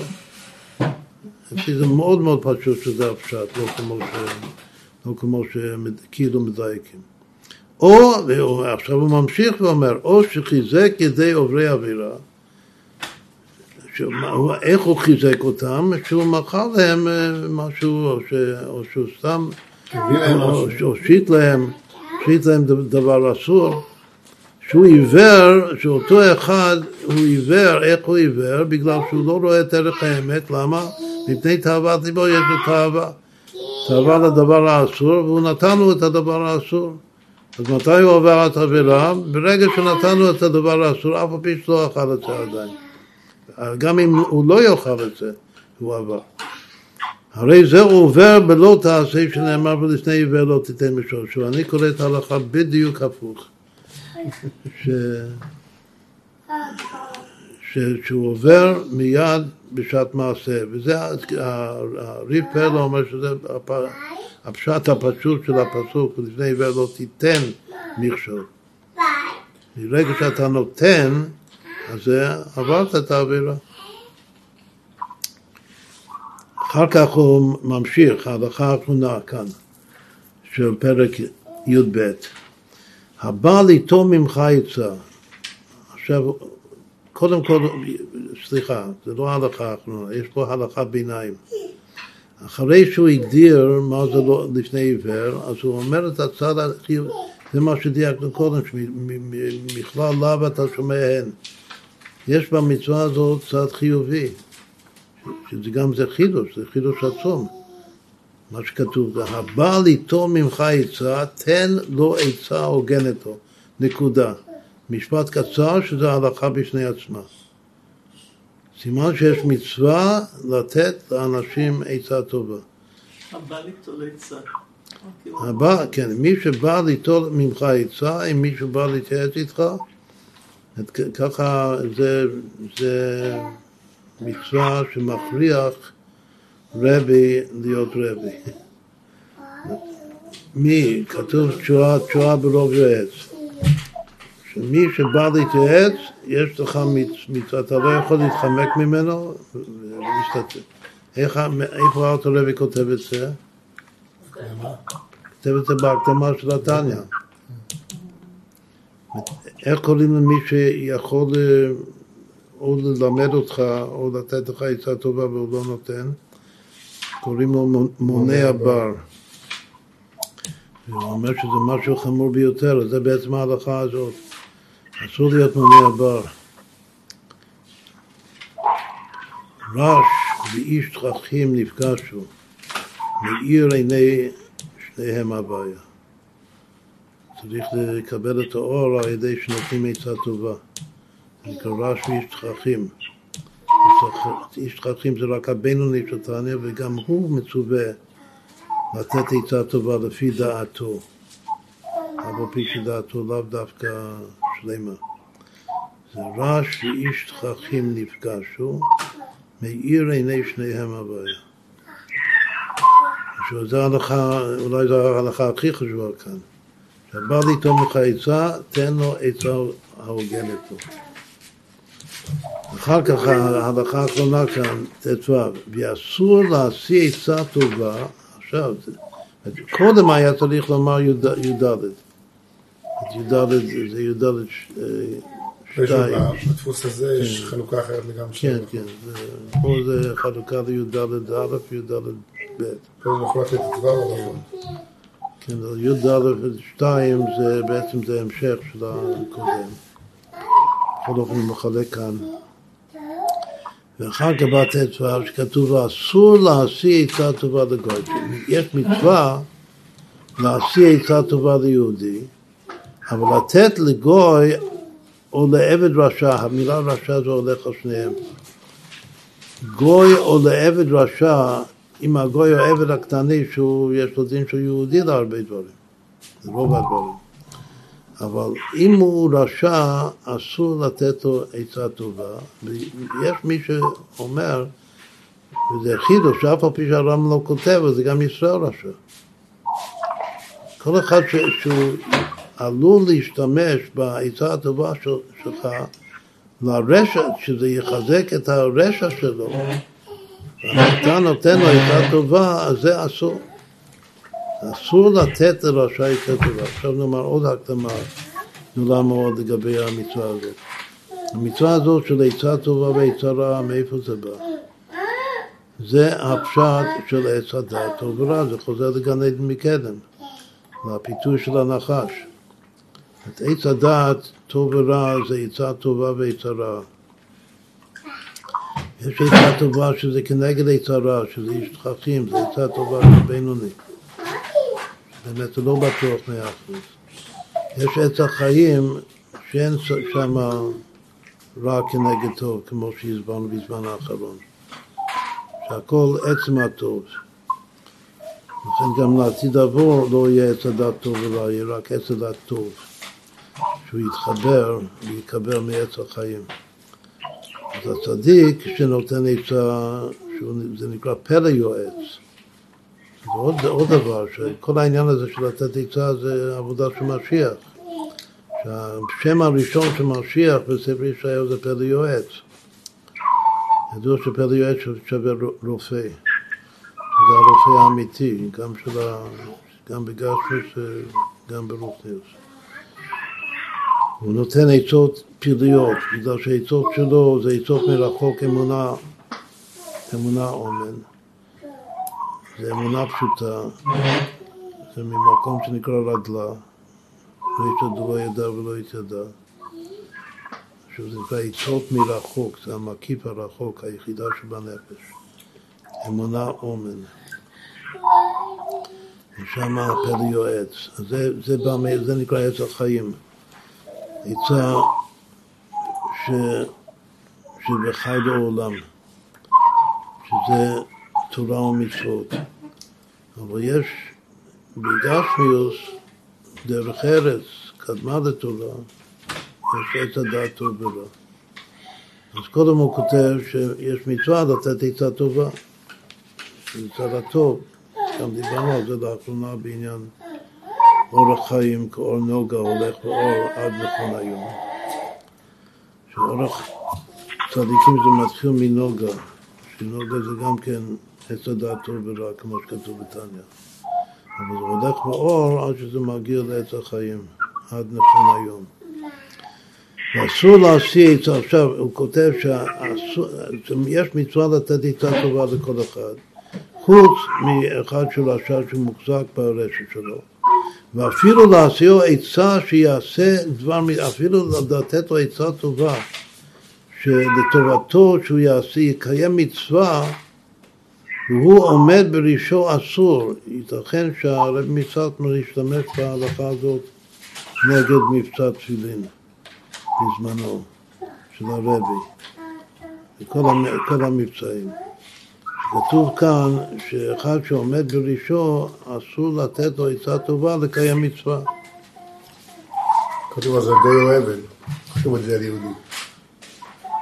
אז אומרים שזה גם הולך על יהודי. אומרים, איפה זה כתוב ברמב"ם? לא יודע, לא יודע.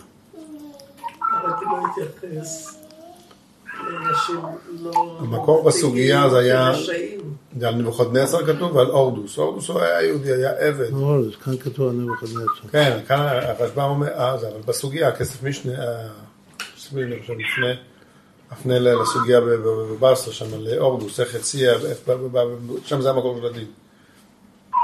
במקור של הסוגיה, שם מדובר על עבד, אורדוס זה העבד, עבד רשע. על יהודי, איך מה? יהודי פשיטו שצריך להציע לו עצה טובה. טוב, זה עבד ששחררו אותו. שבו. לא יודע על מה הם מסתמכים שם בביור הזה. צריך... אה, בסדר, זה עוד סוגיה, זה עוד פרשה, שלא ניכנס לזה כרגע. רק מסיים ואומר, ולא נתנסה דניאל, זה שזרקו את דניאל לגובה אריות, זה ניסיון. וזה היה עונש בשבילו, אף על פי שהשם עשה לו נס גדול, וזה עשה קידוש השם הכי גדול בעולם, אה, דניאל בגובה אריות, אבל כשעומדים בניסיון, זה באמת קידוש השם, עצום. אבל בכל אופן זה גם היה עונש. אז סימן שמעונש יוצא קידוש השם, אם אתה עומד בניסיון. אז למה הוא התחייב עונש? אלא על שהשיא עצה לנבוכדנצר, נבוכדנצר חלם חלום שהוא יהפוך להיות חיה. ודניאל הבין שהחלום הזה זה נכון, אבל הוא אמר לו, אז נבוכדנצר ביקש ממנו מה לעשות כדי לבטל את הגזירה הזאת. אז דניאל אמר לו. שאם הוא ייתן צדקה, אז זה, זה לא יבטל זה, אבל זה ידחה את זה בשנה. אז ככה באמת היה, הוא נתן הרבה צדקה נבוכדנצר, וזה דחה את הגזירה, בסוף זה התקיים. אז זה, זה נתן, לו עצה טובה. שנאמר, להן מלכה מילקי איש פרדך, מילקי זה העצה שלי. מלך זה עצה, גם כן עוד כלל גדול, שכל העניין הזה של עצות זה תיקון המלכות. בארמית מילקי, וגם בעברית נמלך, במי נמלך? בנשמותיהם של צדיקים, נמלך זה עצה. עכשיו מה, הסיפור כאן של ה... של. למה הוא עשה את זה, דניאל, אם זה האווירה? אז כתוב שגם כן הוא בסדר, בסדר גמור, היו, כל, היו עניי ישראל כל יום היו מתים, מתים הרבה יהודים מרעב. אז אף על פי שהוא ידע שהוא מחזק ידי רשע, שזה נבוכדנצר הרשע וזה אסור, בכל אופן, בשביל להציל את החיים של היהודים, לעניים, הוא אמר לו לתת צדקה. הוא, נתן צדקה. אז כל זה, זה הסיום של ההלכה הזאת שלפני עיוור לא תיתן משוב ושוב, לדעתי, אין כאן שום ראייה שזה רק בשעת המכשול, אדרבה, לדעתי זה, זה מהרגע שנותן את היצרה. עכשיו, יש פה אריכות מופלאה בריף פרלה, במצוות לא תעשה נ"ג וכו', שזה מתחיל, דיברו מתחיל לעניין, ולעניין לאו, זה לפני עיוור. כתב רבנו הגאון, שלא להכשיר מטרף. אז צריך עיון בזה לכאורה. מכיוון דקרא, טיב לפני עיוור לא תיתן מכשול, משמע דמיד בנתינת המכשול עובר בלב. הוא אומר דבר ראשון שזה פשוט מהלשון של הפסוק לפני עיוור לא תיתן מכשול, שזה מיד מה... מזה, מהרגע שהוא נותן את המכשול הוא עובר את העבירה. אחר כך הוא מביא את כל הפרפור של כל מי שאומר לא ככה, הוא אומר שיש שני צדדים. אבל הוא כותב שהרס"ג, הוא כותב באמת שהרס"ג הוא סובר שזה רק מהמכשול בפועל. לא לפי הצד. עכשיו, יש פה בספר הזה, זה ספר המצוות המאוחר יותר של הרס"ג. כאילו זה יותר מוסמך וזה לא היה לפני הריף פרלה, הספר הזה. שזה משנה המון המון דברים. יש פה בספר המצוות המאוחר של רבנו סעדי גאון, יש פרק י"ג שזה חובות היהודי כלפי היהודי. הוא מחלק את המצוות לפרקים לפי נושאים. יש נושא אחד שזה הי"ג, ה-13, זה גם משמעותי, הוואי אחד, שזה נקרא היהודי כלפי יהודי. כל המצוות שזה בין אדם, מה זה חובות היהודי כלפי יהודי? זה בין אדם לחבר, בין אדם לחברו. אז כל המצוות האלה, זה מתחיל בעמוד 96 כאן.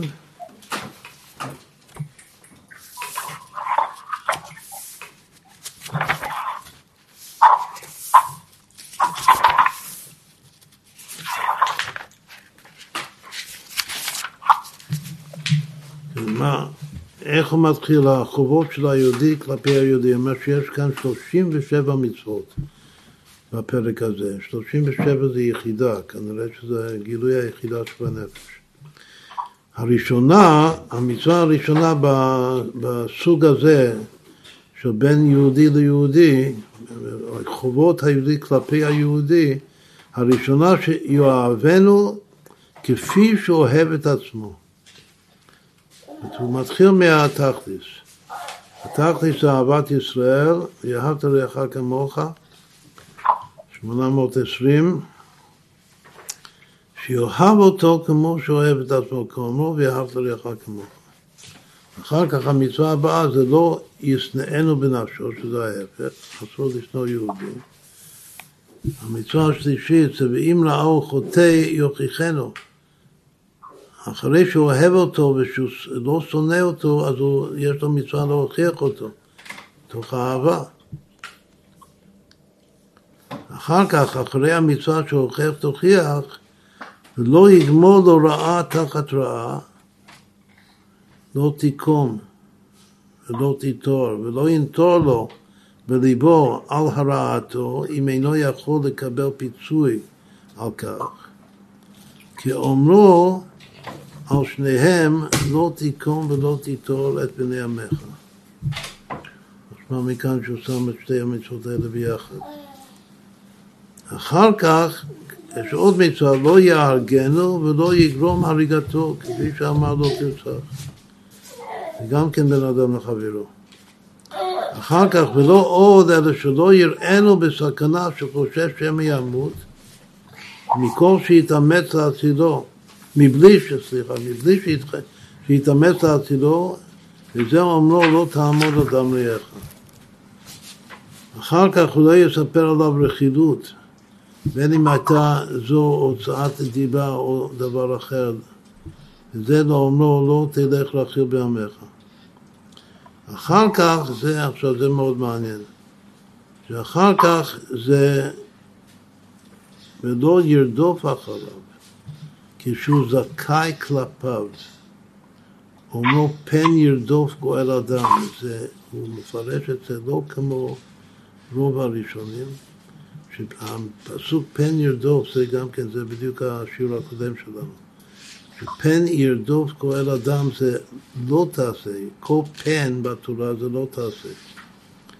אז מה זה פן ירדוף גואל אדם? שגואל אדם זה בא למנוע את גואל אדם מלהרוג את הרוצח בשגגה, בגלל שהוא לא חייב מיתה. הוא נקרא שהוא זכאי כלפיו. אז כתוב, פן ירדוף גואל אדם, ודיבתו אותו היא זו שמבעטת אותו. זה שהוא רודף אחריו, זה מפחיד כמו שרדפו אחרי היהודים ביציאת מצרים. זה מפחיד, זה מבעט אותו וזה אסור. אסור שגואל אדם ירדוף אחרי ה...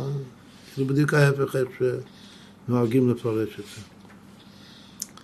זה מאוד מעניין הדבר הזה, ומיד אחרי הדבר הזה, שגואל אדם לא ירדוף אחרי ההורג בשגגה, אז כתוב המצווה שלנו, ולא יעשה לו דבר שייכשל בו, כמו, שאס, כמו שאסור לגואל אדם לרדוף, אז ככה שלא לא יעשה דבר שייכשל בו.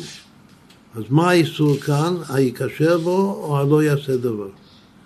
לפי, ה, לפי מה שכתוב כאן זה לא יעשה דבר שייכשל בו בין בענייני הדת ובין בענייני העולם. זה מאוד מאוד יפה.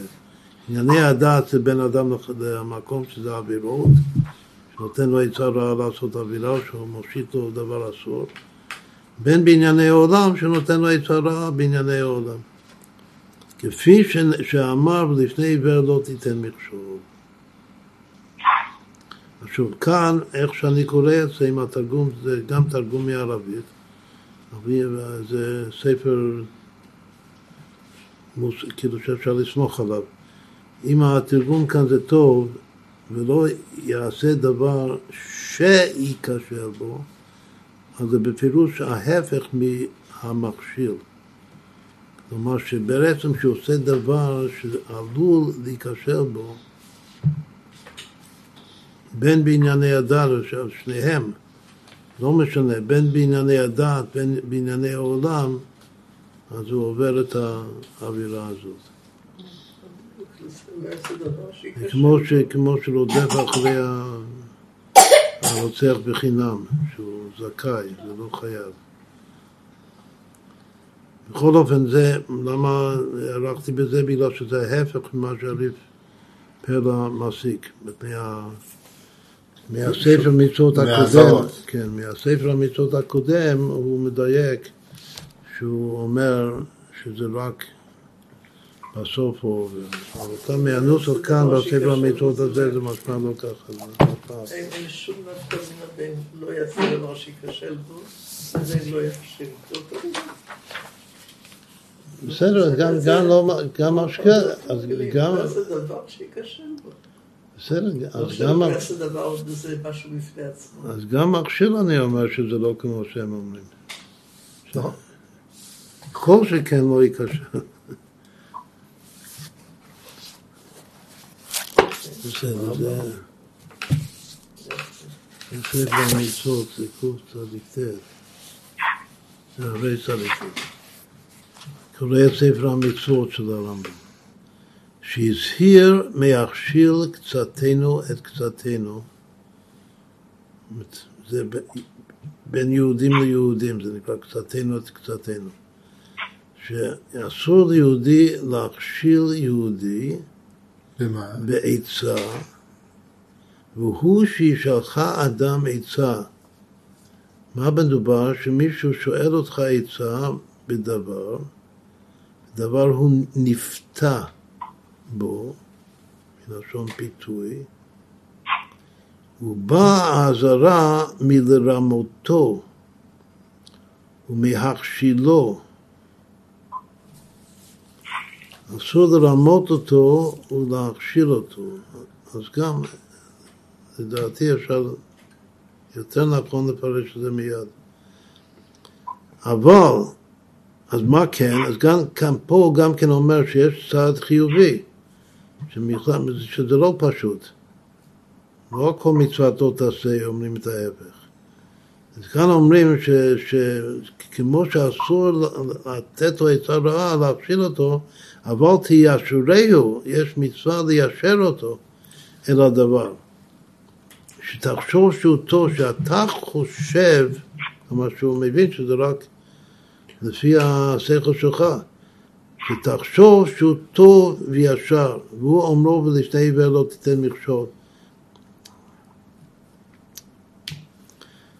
עכשיו, כמו שתיישרהו, בדבר שאתה חושב שזה דבר טוב, אז זה מה שאתה אומר לו, אז זה העשה, אז לא תעשה זה שאתה אומר לו משהו ברמאות, שאתה יודע, שאתה חושב שזה דבר רע בשבילו. אז גם לפי עניות דעתי זה מיד שאתה אומר לו את זה. והוא אמרו ולפני עבר לא תיתן מכשול. עכשיו, לשון ספרה, מביא מחז"ל, מה הלשון של הספרה? לפני סומה בדבר, היה, לפני סומה בדבר היה נוטל ממך עצה, אל תיתן לו עצה שאינה הוגנת לו. אז גם כן, לא, לא לתת לו עצה שאינה הוגנת לו, בזמן ברגע שאתה נותן. ולאו זה אומרו שהוא כולל גם כן מי שיעזור, מי ש... עכשיו אומר שזה נקרא לאו שבכללות. אלא שזה חוץ מהעיקר שזה עצה, זה מה שאמרנו קודם, זה כולל את הפרט של, של, של מסייע לעובר עבירה. במשנה תורה, ביד, הוא כתב את זה בסדר הפוך. קודם הוא כתב את המכשיר באווירה ואחר כך העצה. אבל כאן בספר המצוות הוא אומר שהוא מדגיש שהעיקר זה העצה, ואמרו שזה, שזה כולל עוד דבר, שלא לעזור למישהו לעשות עבירה, או יסבב אותה, כי הוא יביא האיש ההוא שעברה תאוותו אין שכלו. שהוא מוציא לגמרי, לכאורה מהפשט שעיוור זה אדם עיוור. הוא אומר שזה מדובר שאדם שהתאווה שלו עיוור לו את עין השכל שלו. וחזר עיוור, הוא הפך להיות עיוור, ויפתהו ויעזרהו להשלים עבירתו. הוא יכין לו סיבת האווירה. עכשיו, אם הוא רק מכין לו סיבת האווירה, אז ודאי שהוא לאו דווקא עבר עדיין. ומאלו הפנים אמרו במלווה ולווה בריבית ששניהם יחד עוברים. אסור לעבוד בריבית, גם המלווה אסור לו וגם הלווה אסור לו. אז אם יש ריבית, אז כל אחד כלפי השני, חוץ מהאווירה שהוא עושה בעצמו, הוא גם כן עובר על לפני עיוור, לא תיתן מכשול. אומרת שהלווה בריבית מכשיל את המלווה. המלווה מכשיר את הלווה. אז שניהם עוברים. אז כאן אפשר היה לפרש באמת ששניהם עוברים רק, רק בשעת מעשה שזה מתקיים.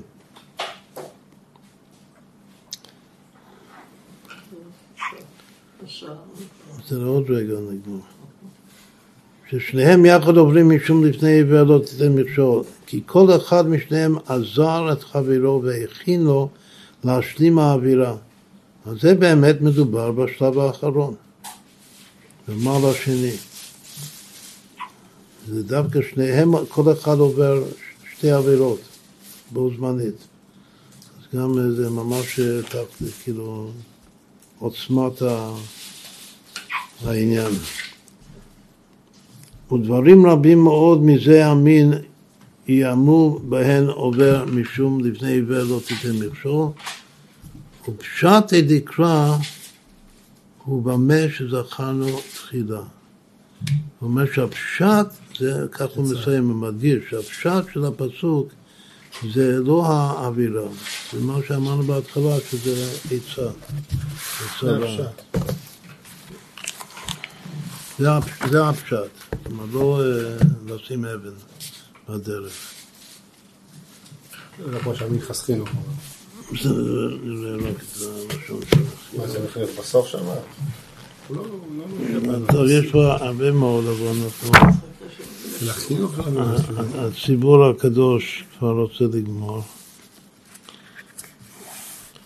אז כאן הוא מגדיר את זה, החינוך, לא להכשיל תם בדרך. לא בדבר, בדרך, ולא עיוור תם. עכשיו, איך הוא מגדיר את המצווה? לא להכשיל בני ישראל לתת להם עצה רעה. אבל ניישר, עכשיו אומר את הצד החיובי, ניישר אותם כשישאלו עצה, במה שנאמין, גם כותב מילה, כל מה היה חושב. אני צריך לומר מה שאני באמת מאמין שהוא יושר ועצה טובה לזולת. שנאמר ולפני עבר לא תיתן מכשול, ולשון ספרה לפני תשומה בדבר. והיה נותן ממך עצה, אל תיתן לו עצה שאינה הוגנת לו. ואמרו זיכרונם לברכה, אל יאמר לאדם לחברו, מכל שדך וקח חמור, שהוא עוקף עליו ונוטלה ממנו. אז זה באמת משמע שזה... שהוא גמר את המעשה.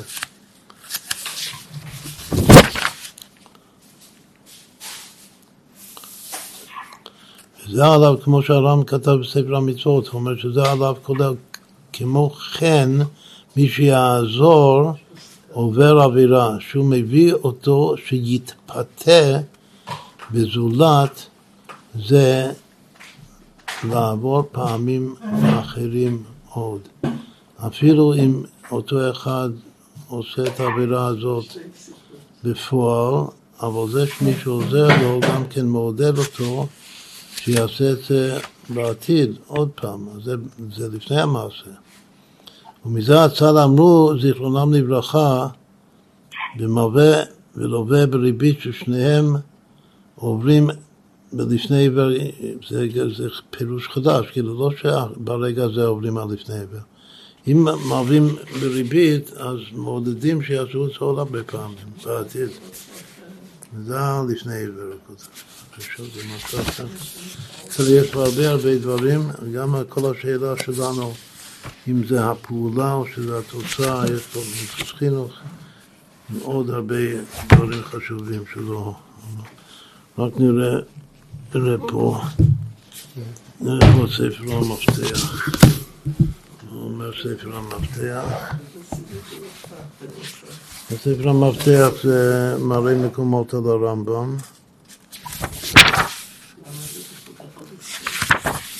משהו, בכל הספר יש משהו מיוחד. רציתי שנספיק לקרוא את הכל הלאה. יש פה מילה מכל ספר, מספיק.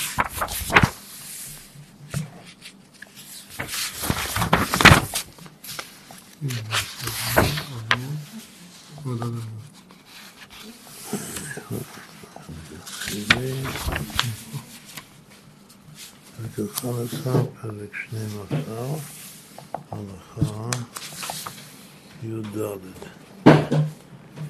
כותב ספר, ה... ספר המפתח. מש... מזה שהוא כותב כל המכשיר, משמע דאיסור לפני עיוור דווקא אם נכשל ולא על נתינת המכשול, אנחנו כבר דיברנו על זה, שלנו זה לא משמע ככה. לאו דווקא ככה. אחר כך הוא אומר שיש עוד דיוק ברמב"ם, שהוא השמיט את ההלכה של דווקא בפני אברי נערה. יש בגמרא שכתוב שלגבי עוזר למישהו לעשות עבירה, אז הדוגמה של מי שמושיט כושר יין לנזיר, שאסור לנזיר לשתות יין. הוא נותן לו כושר יין. אז הגמרא אומרת שאם הם באותו צד של הנעים, הנזיר הזה יכול לקחת את הכוס לבד בלי שזה ייתן לו, אז זה שנתן לו לא עבר את האווירה. זה רק אם, הוא, אם הנזיר לא יכול לקחת לבד. שמה הדוגמה? הדוגמה שהם בשני צדדי של נהר. והנזיר לא יכול לקחת הכוס בגלל שזה בצד השני, אבל היהודי שעובר לפני עיוור הוא בצד השני והוא מושיט לו את הכוס של יין. אז הוא עובר. עכשיו, זה הלכה בגמרא, והר"ם משמיט את זה. אז בסדר, יש פה, המלכסחינוך דן בזה ועוד. למה הוא משמיט? שיש מי שאומר שהוא לא סובר את ההלכה הזאת. כלומר שכאן הר"ם מחמיר, שאפילו אם העבריין יכול בקלות לעבור את העבירה בלי הסיוע שלי, אף על פי כן אני עובר. מהגברה משמע שזה, שבלי הסיוע שלי הוא לא מסוגל לעשות את העבירה. אז אני עובר, אם אני מסייע לו. ויש מי שאומר שהר"ם סובר שאפילו אם הוא יכול לעבור את העבירה בלי הסיוע שלי ואני מסייע לו, אז עצם הסיוע זה העבירה. עכשיו זה, אם אני אומר ככה, שעצם הסיוע זה העבירה, אז, אז זה גם כן מחזק את הצד שזה ברגע שאני מסייע, זה, זה לא התוצאה, זה הפעולה. כלומר שאם זה התוצאה, אז יש לו את התוצאה בלעדיי. יכול להגיע לתוצאה שלו בלעדיי. אז אם אני אומר שאף על פי כן יש פה איסור, אז צריך לומר שהאיסור זה הפעולה, ולא התוצאה מההלכה הזאת. עכשיו עוד דבר, כתוב שהמכשיר עיוור בדבר והסיעו עצה וכו'. כתוב כאן שמי דסתם משמע, זאת אומרת, לא, לא הבדיל כאן בין יהודי לבין גוי בהלכה הזאת. אז משמע גם גוי אסור להכשילו. שהמצווה לפני עיוור זה הולך גם על גוי. זה, זה טוב, אז אמרנו שזה טוב שחוזרים לגן עדן מקדם, שאין שם עדיין הבדל בין יהודי וגוי, ואומרים שהאיסור הזה לפני עיוור זה האיסור המקורי של כל התורה כולה. זה מחזק שזה לכולם. אסור לתת סתם עצה רעה לגוי. בדת החינוך זה משמע לא ככה, אז לכן צריך לחקור את דת החינוך, וזה המנחס חינוך חוקרת. אחר כך המכשיר באיסור דרבנן אי עובר על לפני עיוור מן התורה. זה לא גרע מעצה שאינה הוגנת. דיברנו, דיברנו. על זה דיברנו. אחר כך, או שחיזק ידי עוברי עבירה, בדע, בדעתו בספר המצוות לא תעשה צדיק ט', הסבירה לידיען חילוק בין מושיט למשתתף במעשה העבירה. הוא מדייק בספר המצוות, אנחנו לא ראינו את זה, הוא מדייק שמושיט כוס של יין לנזיר, וזה שהוא משתתף, כמו שני גנבים שמשתתפים במעשה העבירה, זה אותו דין, כאילו שאתה עוזר לו. זה הפרט הזה אנחנו לא דיברנו. יש רק מישהו, בין האחרונים יש רק מישהו אחד שחוקר את זה. עכשיו, מדבריו של הרמב"ם משמע, המקרא שלנו, שלפני עיוור לא, לא תיתן מכשול, יוצא מידי פשוטו לגמרי. שזה חידוש נפלא, בגלל שכל התורה כולה אין מקרא יוצא מידי פשוטו.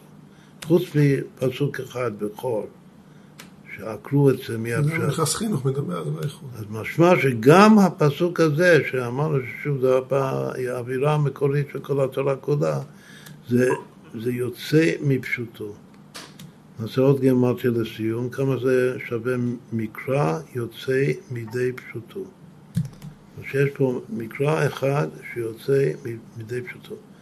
יש את המאמר חז"ל, אין מקרא יוצא מידי פשוטו. אבל כאן יש מקרא יוצא מידי פשוטו. שווה בראשית. המילה הראשונה בתורה. זה מקרא שיוצא מידי פשוטו. יש, יש מהגר"א שכל אינו אומר לדרשני. הגר"א כותב שכל התורה כולה זה אין מקרא יוצא מידי פשוטו, חוץ ממעשה בראשית. מעשה בראשית זה, זה. הגר"א כותב, זה לא כולם מסכימים ספק אם... לא, הרש"י כותב, אין המקרא זה אומר דרשני. בסדר, זה דורשני, אבל לא זאת אומרת שמקרא יוצא מידי פשוטה, פה אי אפשר להישאר עם הפשט. לא. מה יוצא מדי פשוטו, זה שוב, זה שלא מדובר כאן כלל וכלל במכשול אבן ובעיוור עיוור. זה הכל משל, זה משהו אחר. דיברה תורה בהווה. בסדר, זו שאלה, בסדר. בכל אופן זה גימטריה יפה. שמקרא יוצא מדי פשוטו שווה בראשית. כלומר שככה התורה מתחילה. המוסר השכל שיהודי מתחיל ללמוד תורה, הוא צריך לדעת שייתכן מאוד שכל מה שקורה זה ההפך מהכוונה האמיתית. כאילו זה, הוא, לא נוגע עדיין בכוונה האמיתית.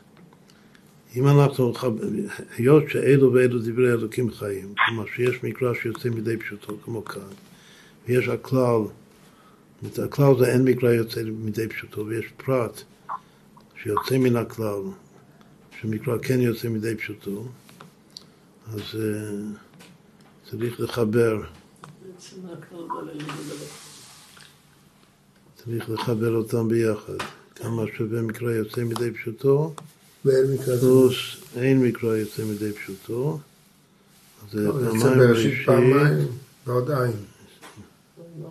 זה שווה 1887, שזה 51 פעמים 37, שלפי אה, כמה האחרונים זה המספרים הכי חשובים. אם מוסיפים לזה תרי"ג, אז זה שווה 50 בריבוע. בכל אופן זה מספר מאוד מאוד מסוים, אבל הכי יפה שאם במקום לומר רק מקרא יוצא מדפשוטו, אני אומר, אם אין מקרא יוצא מדפשוטו, אז ההפך זה יש מקרא יוצא מדפשוטו. אז זה ביחד זה 13 בחזקת שלוש. התכלית הושגה, יצחק. בסדר. רגע, רגע, רגע, רגע, רגע, רגע. אדם. אז שוב, יש מי שאומר שלפי הרמב"ם הוא הוציא את המקרא הזה לגמרי. אחר כך, במחלוקת רבינו בספר המצוות שורש ט', שכתב דאין לו קין דהבי לאו שבכללות, והחינוך ברל"ב כתב לפי שאין בו מה זה, זה אנחנו הזכרנו. הזכרנו כן. שיש שתי, שתי סיבות למה לא לוקים על הלאו הזה. להסביר את המחלוקת בין הרמב"ם לבין החינוך, זה השדה חמד ועוד. הזכרנו, הזכרנו את זה. אחר כך,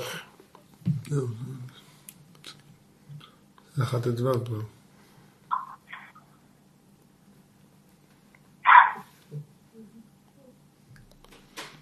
יש פה מה שאמרנו קודם, שמה שכתב שאסור אה, אסור לתת עצה טובה ל- לגוי או לעבד רשע, אז דנים פה אם זה גם ישראל רשע.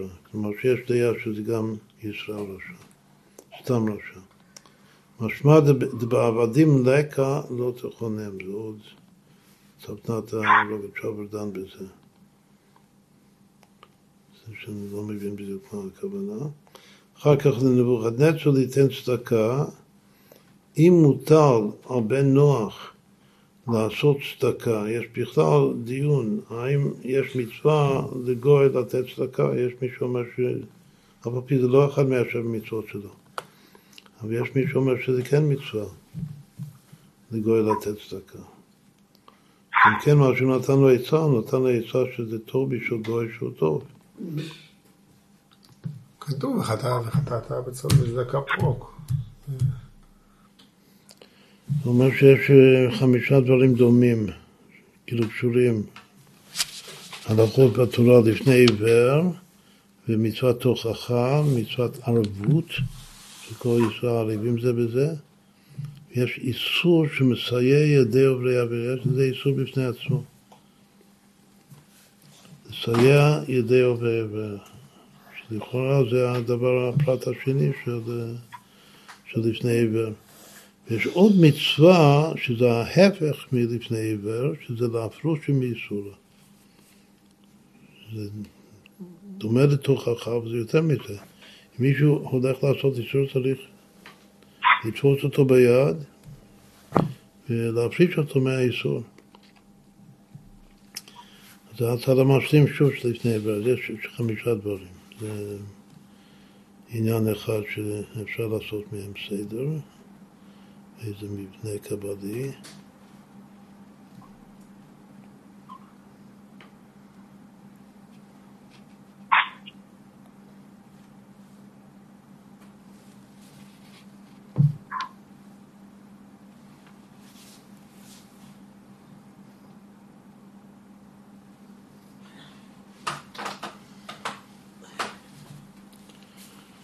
עכשיו יש פה שני דברים, שני דברים, עצה רעה לתת לו או לעזור לו לעשות איסור.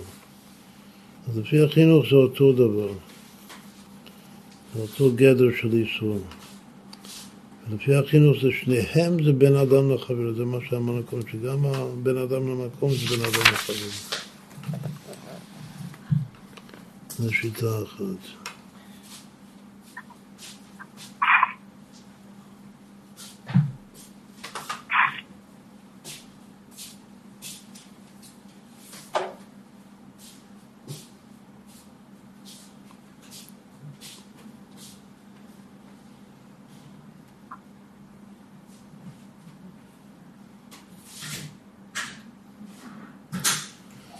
יש שאלה מעניינת.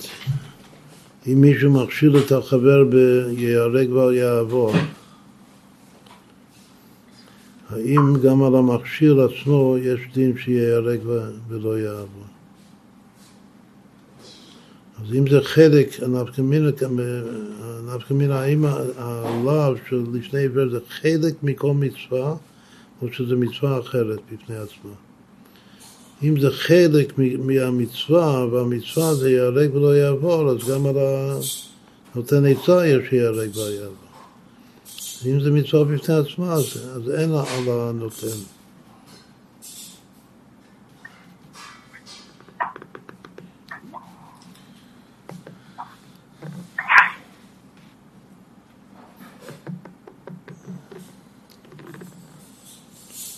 אם האדם מכשיר בדבר שלא מותר, אבל לך אסור, ואני אומר לך לעשות את הדבר, אני, שלי מותר הדבר הזה, ולך אסור, אז, אז דנו אם זה גם כן עובר.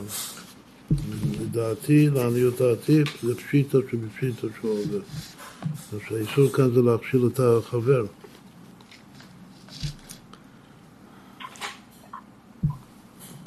אם הוא מכשיל את החבר באונס, אז גם כן, האם המכשיל עובר בלפני עיוור והביא את הקובץ שיעורים, הביא צדדים לכאן ולכאן.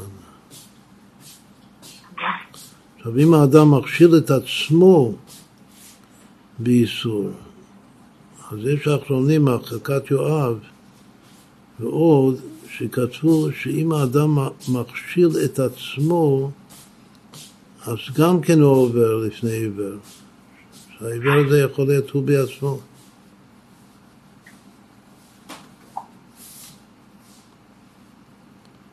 לכן מי שמכניס את עצמו לאונס, ש... שברגע שהוא מכניס את עצמו לאונס אז הוא לא יכול להיפטר מהאווירה, אז אז כלפי עצמו הוא עבר את האווירה גם של לפני עיוור.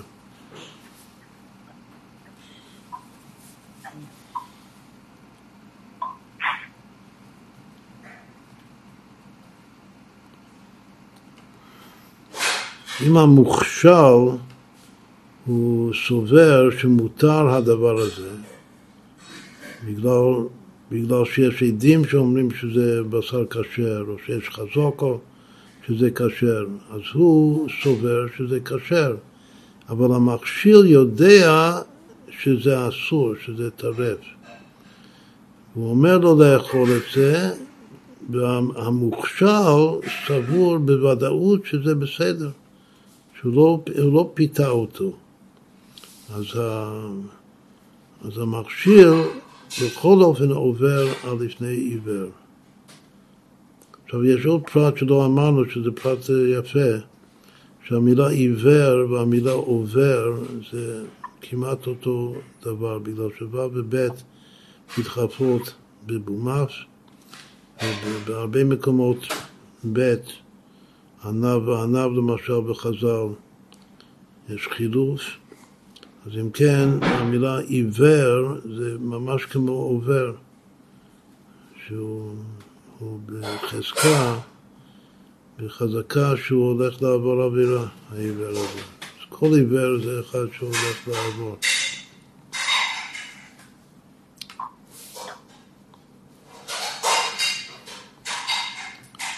אז יש מי שאומר שזה עיקר הלפני עיוור. עיקר הלפני עיוור, זה, הוא אומר שזה כאשר המוכשל סובר שזה מותר. ואני יודע שזה באמת אסור. אז זה עיקר לפני עיוור לא תיתן לי. אז הוא עיוור בדבר. היות שהוא עיוור חושב שזה מותר, אז הוא הולך לעבור, גם בעצמו, ואני עוזר לו בזה. זה עיקר לפני עיוור, זה דיוק יפה. אחר יש גם בשבע תעשה, יש לפני עיוור.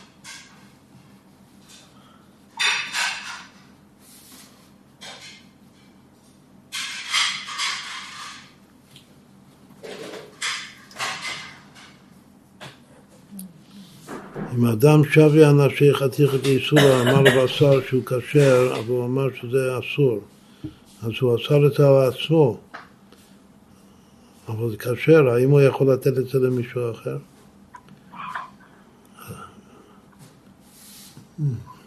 או שיש בזה לאיסור, היות שלי זה, אני עשיתי את זה על עצמי, הבשר הזה לגבי עצמי זה אסור. האם אני יכול לתת למישהו אחר?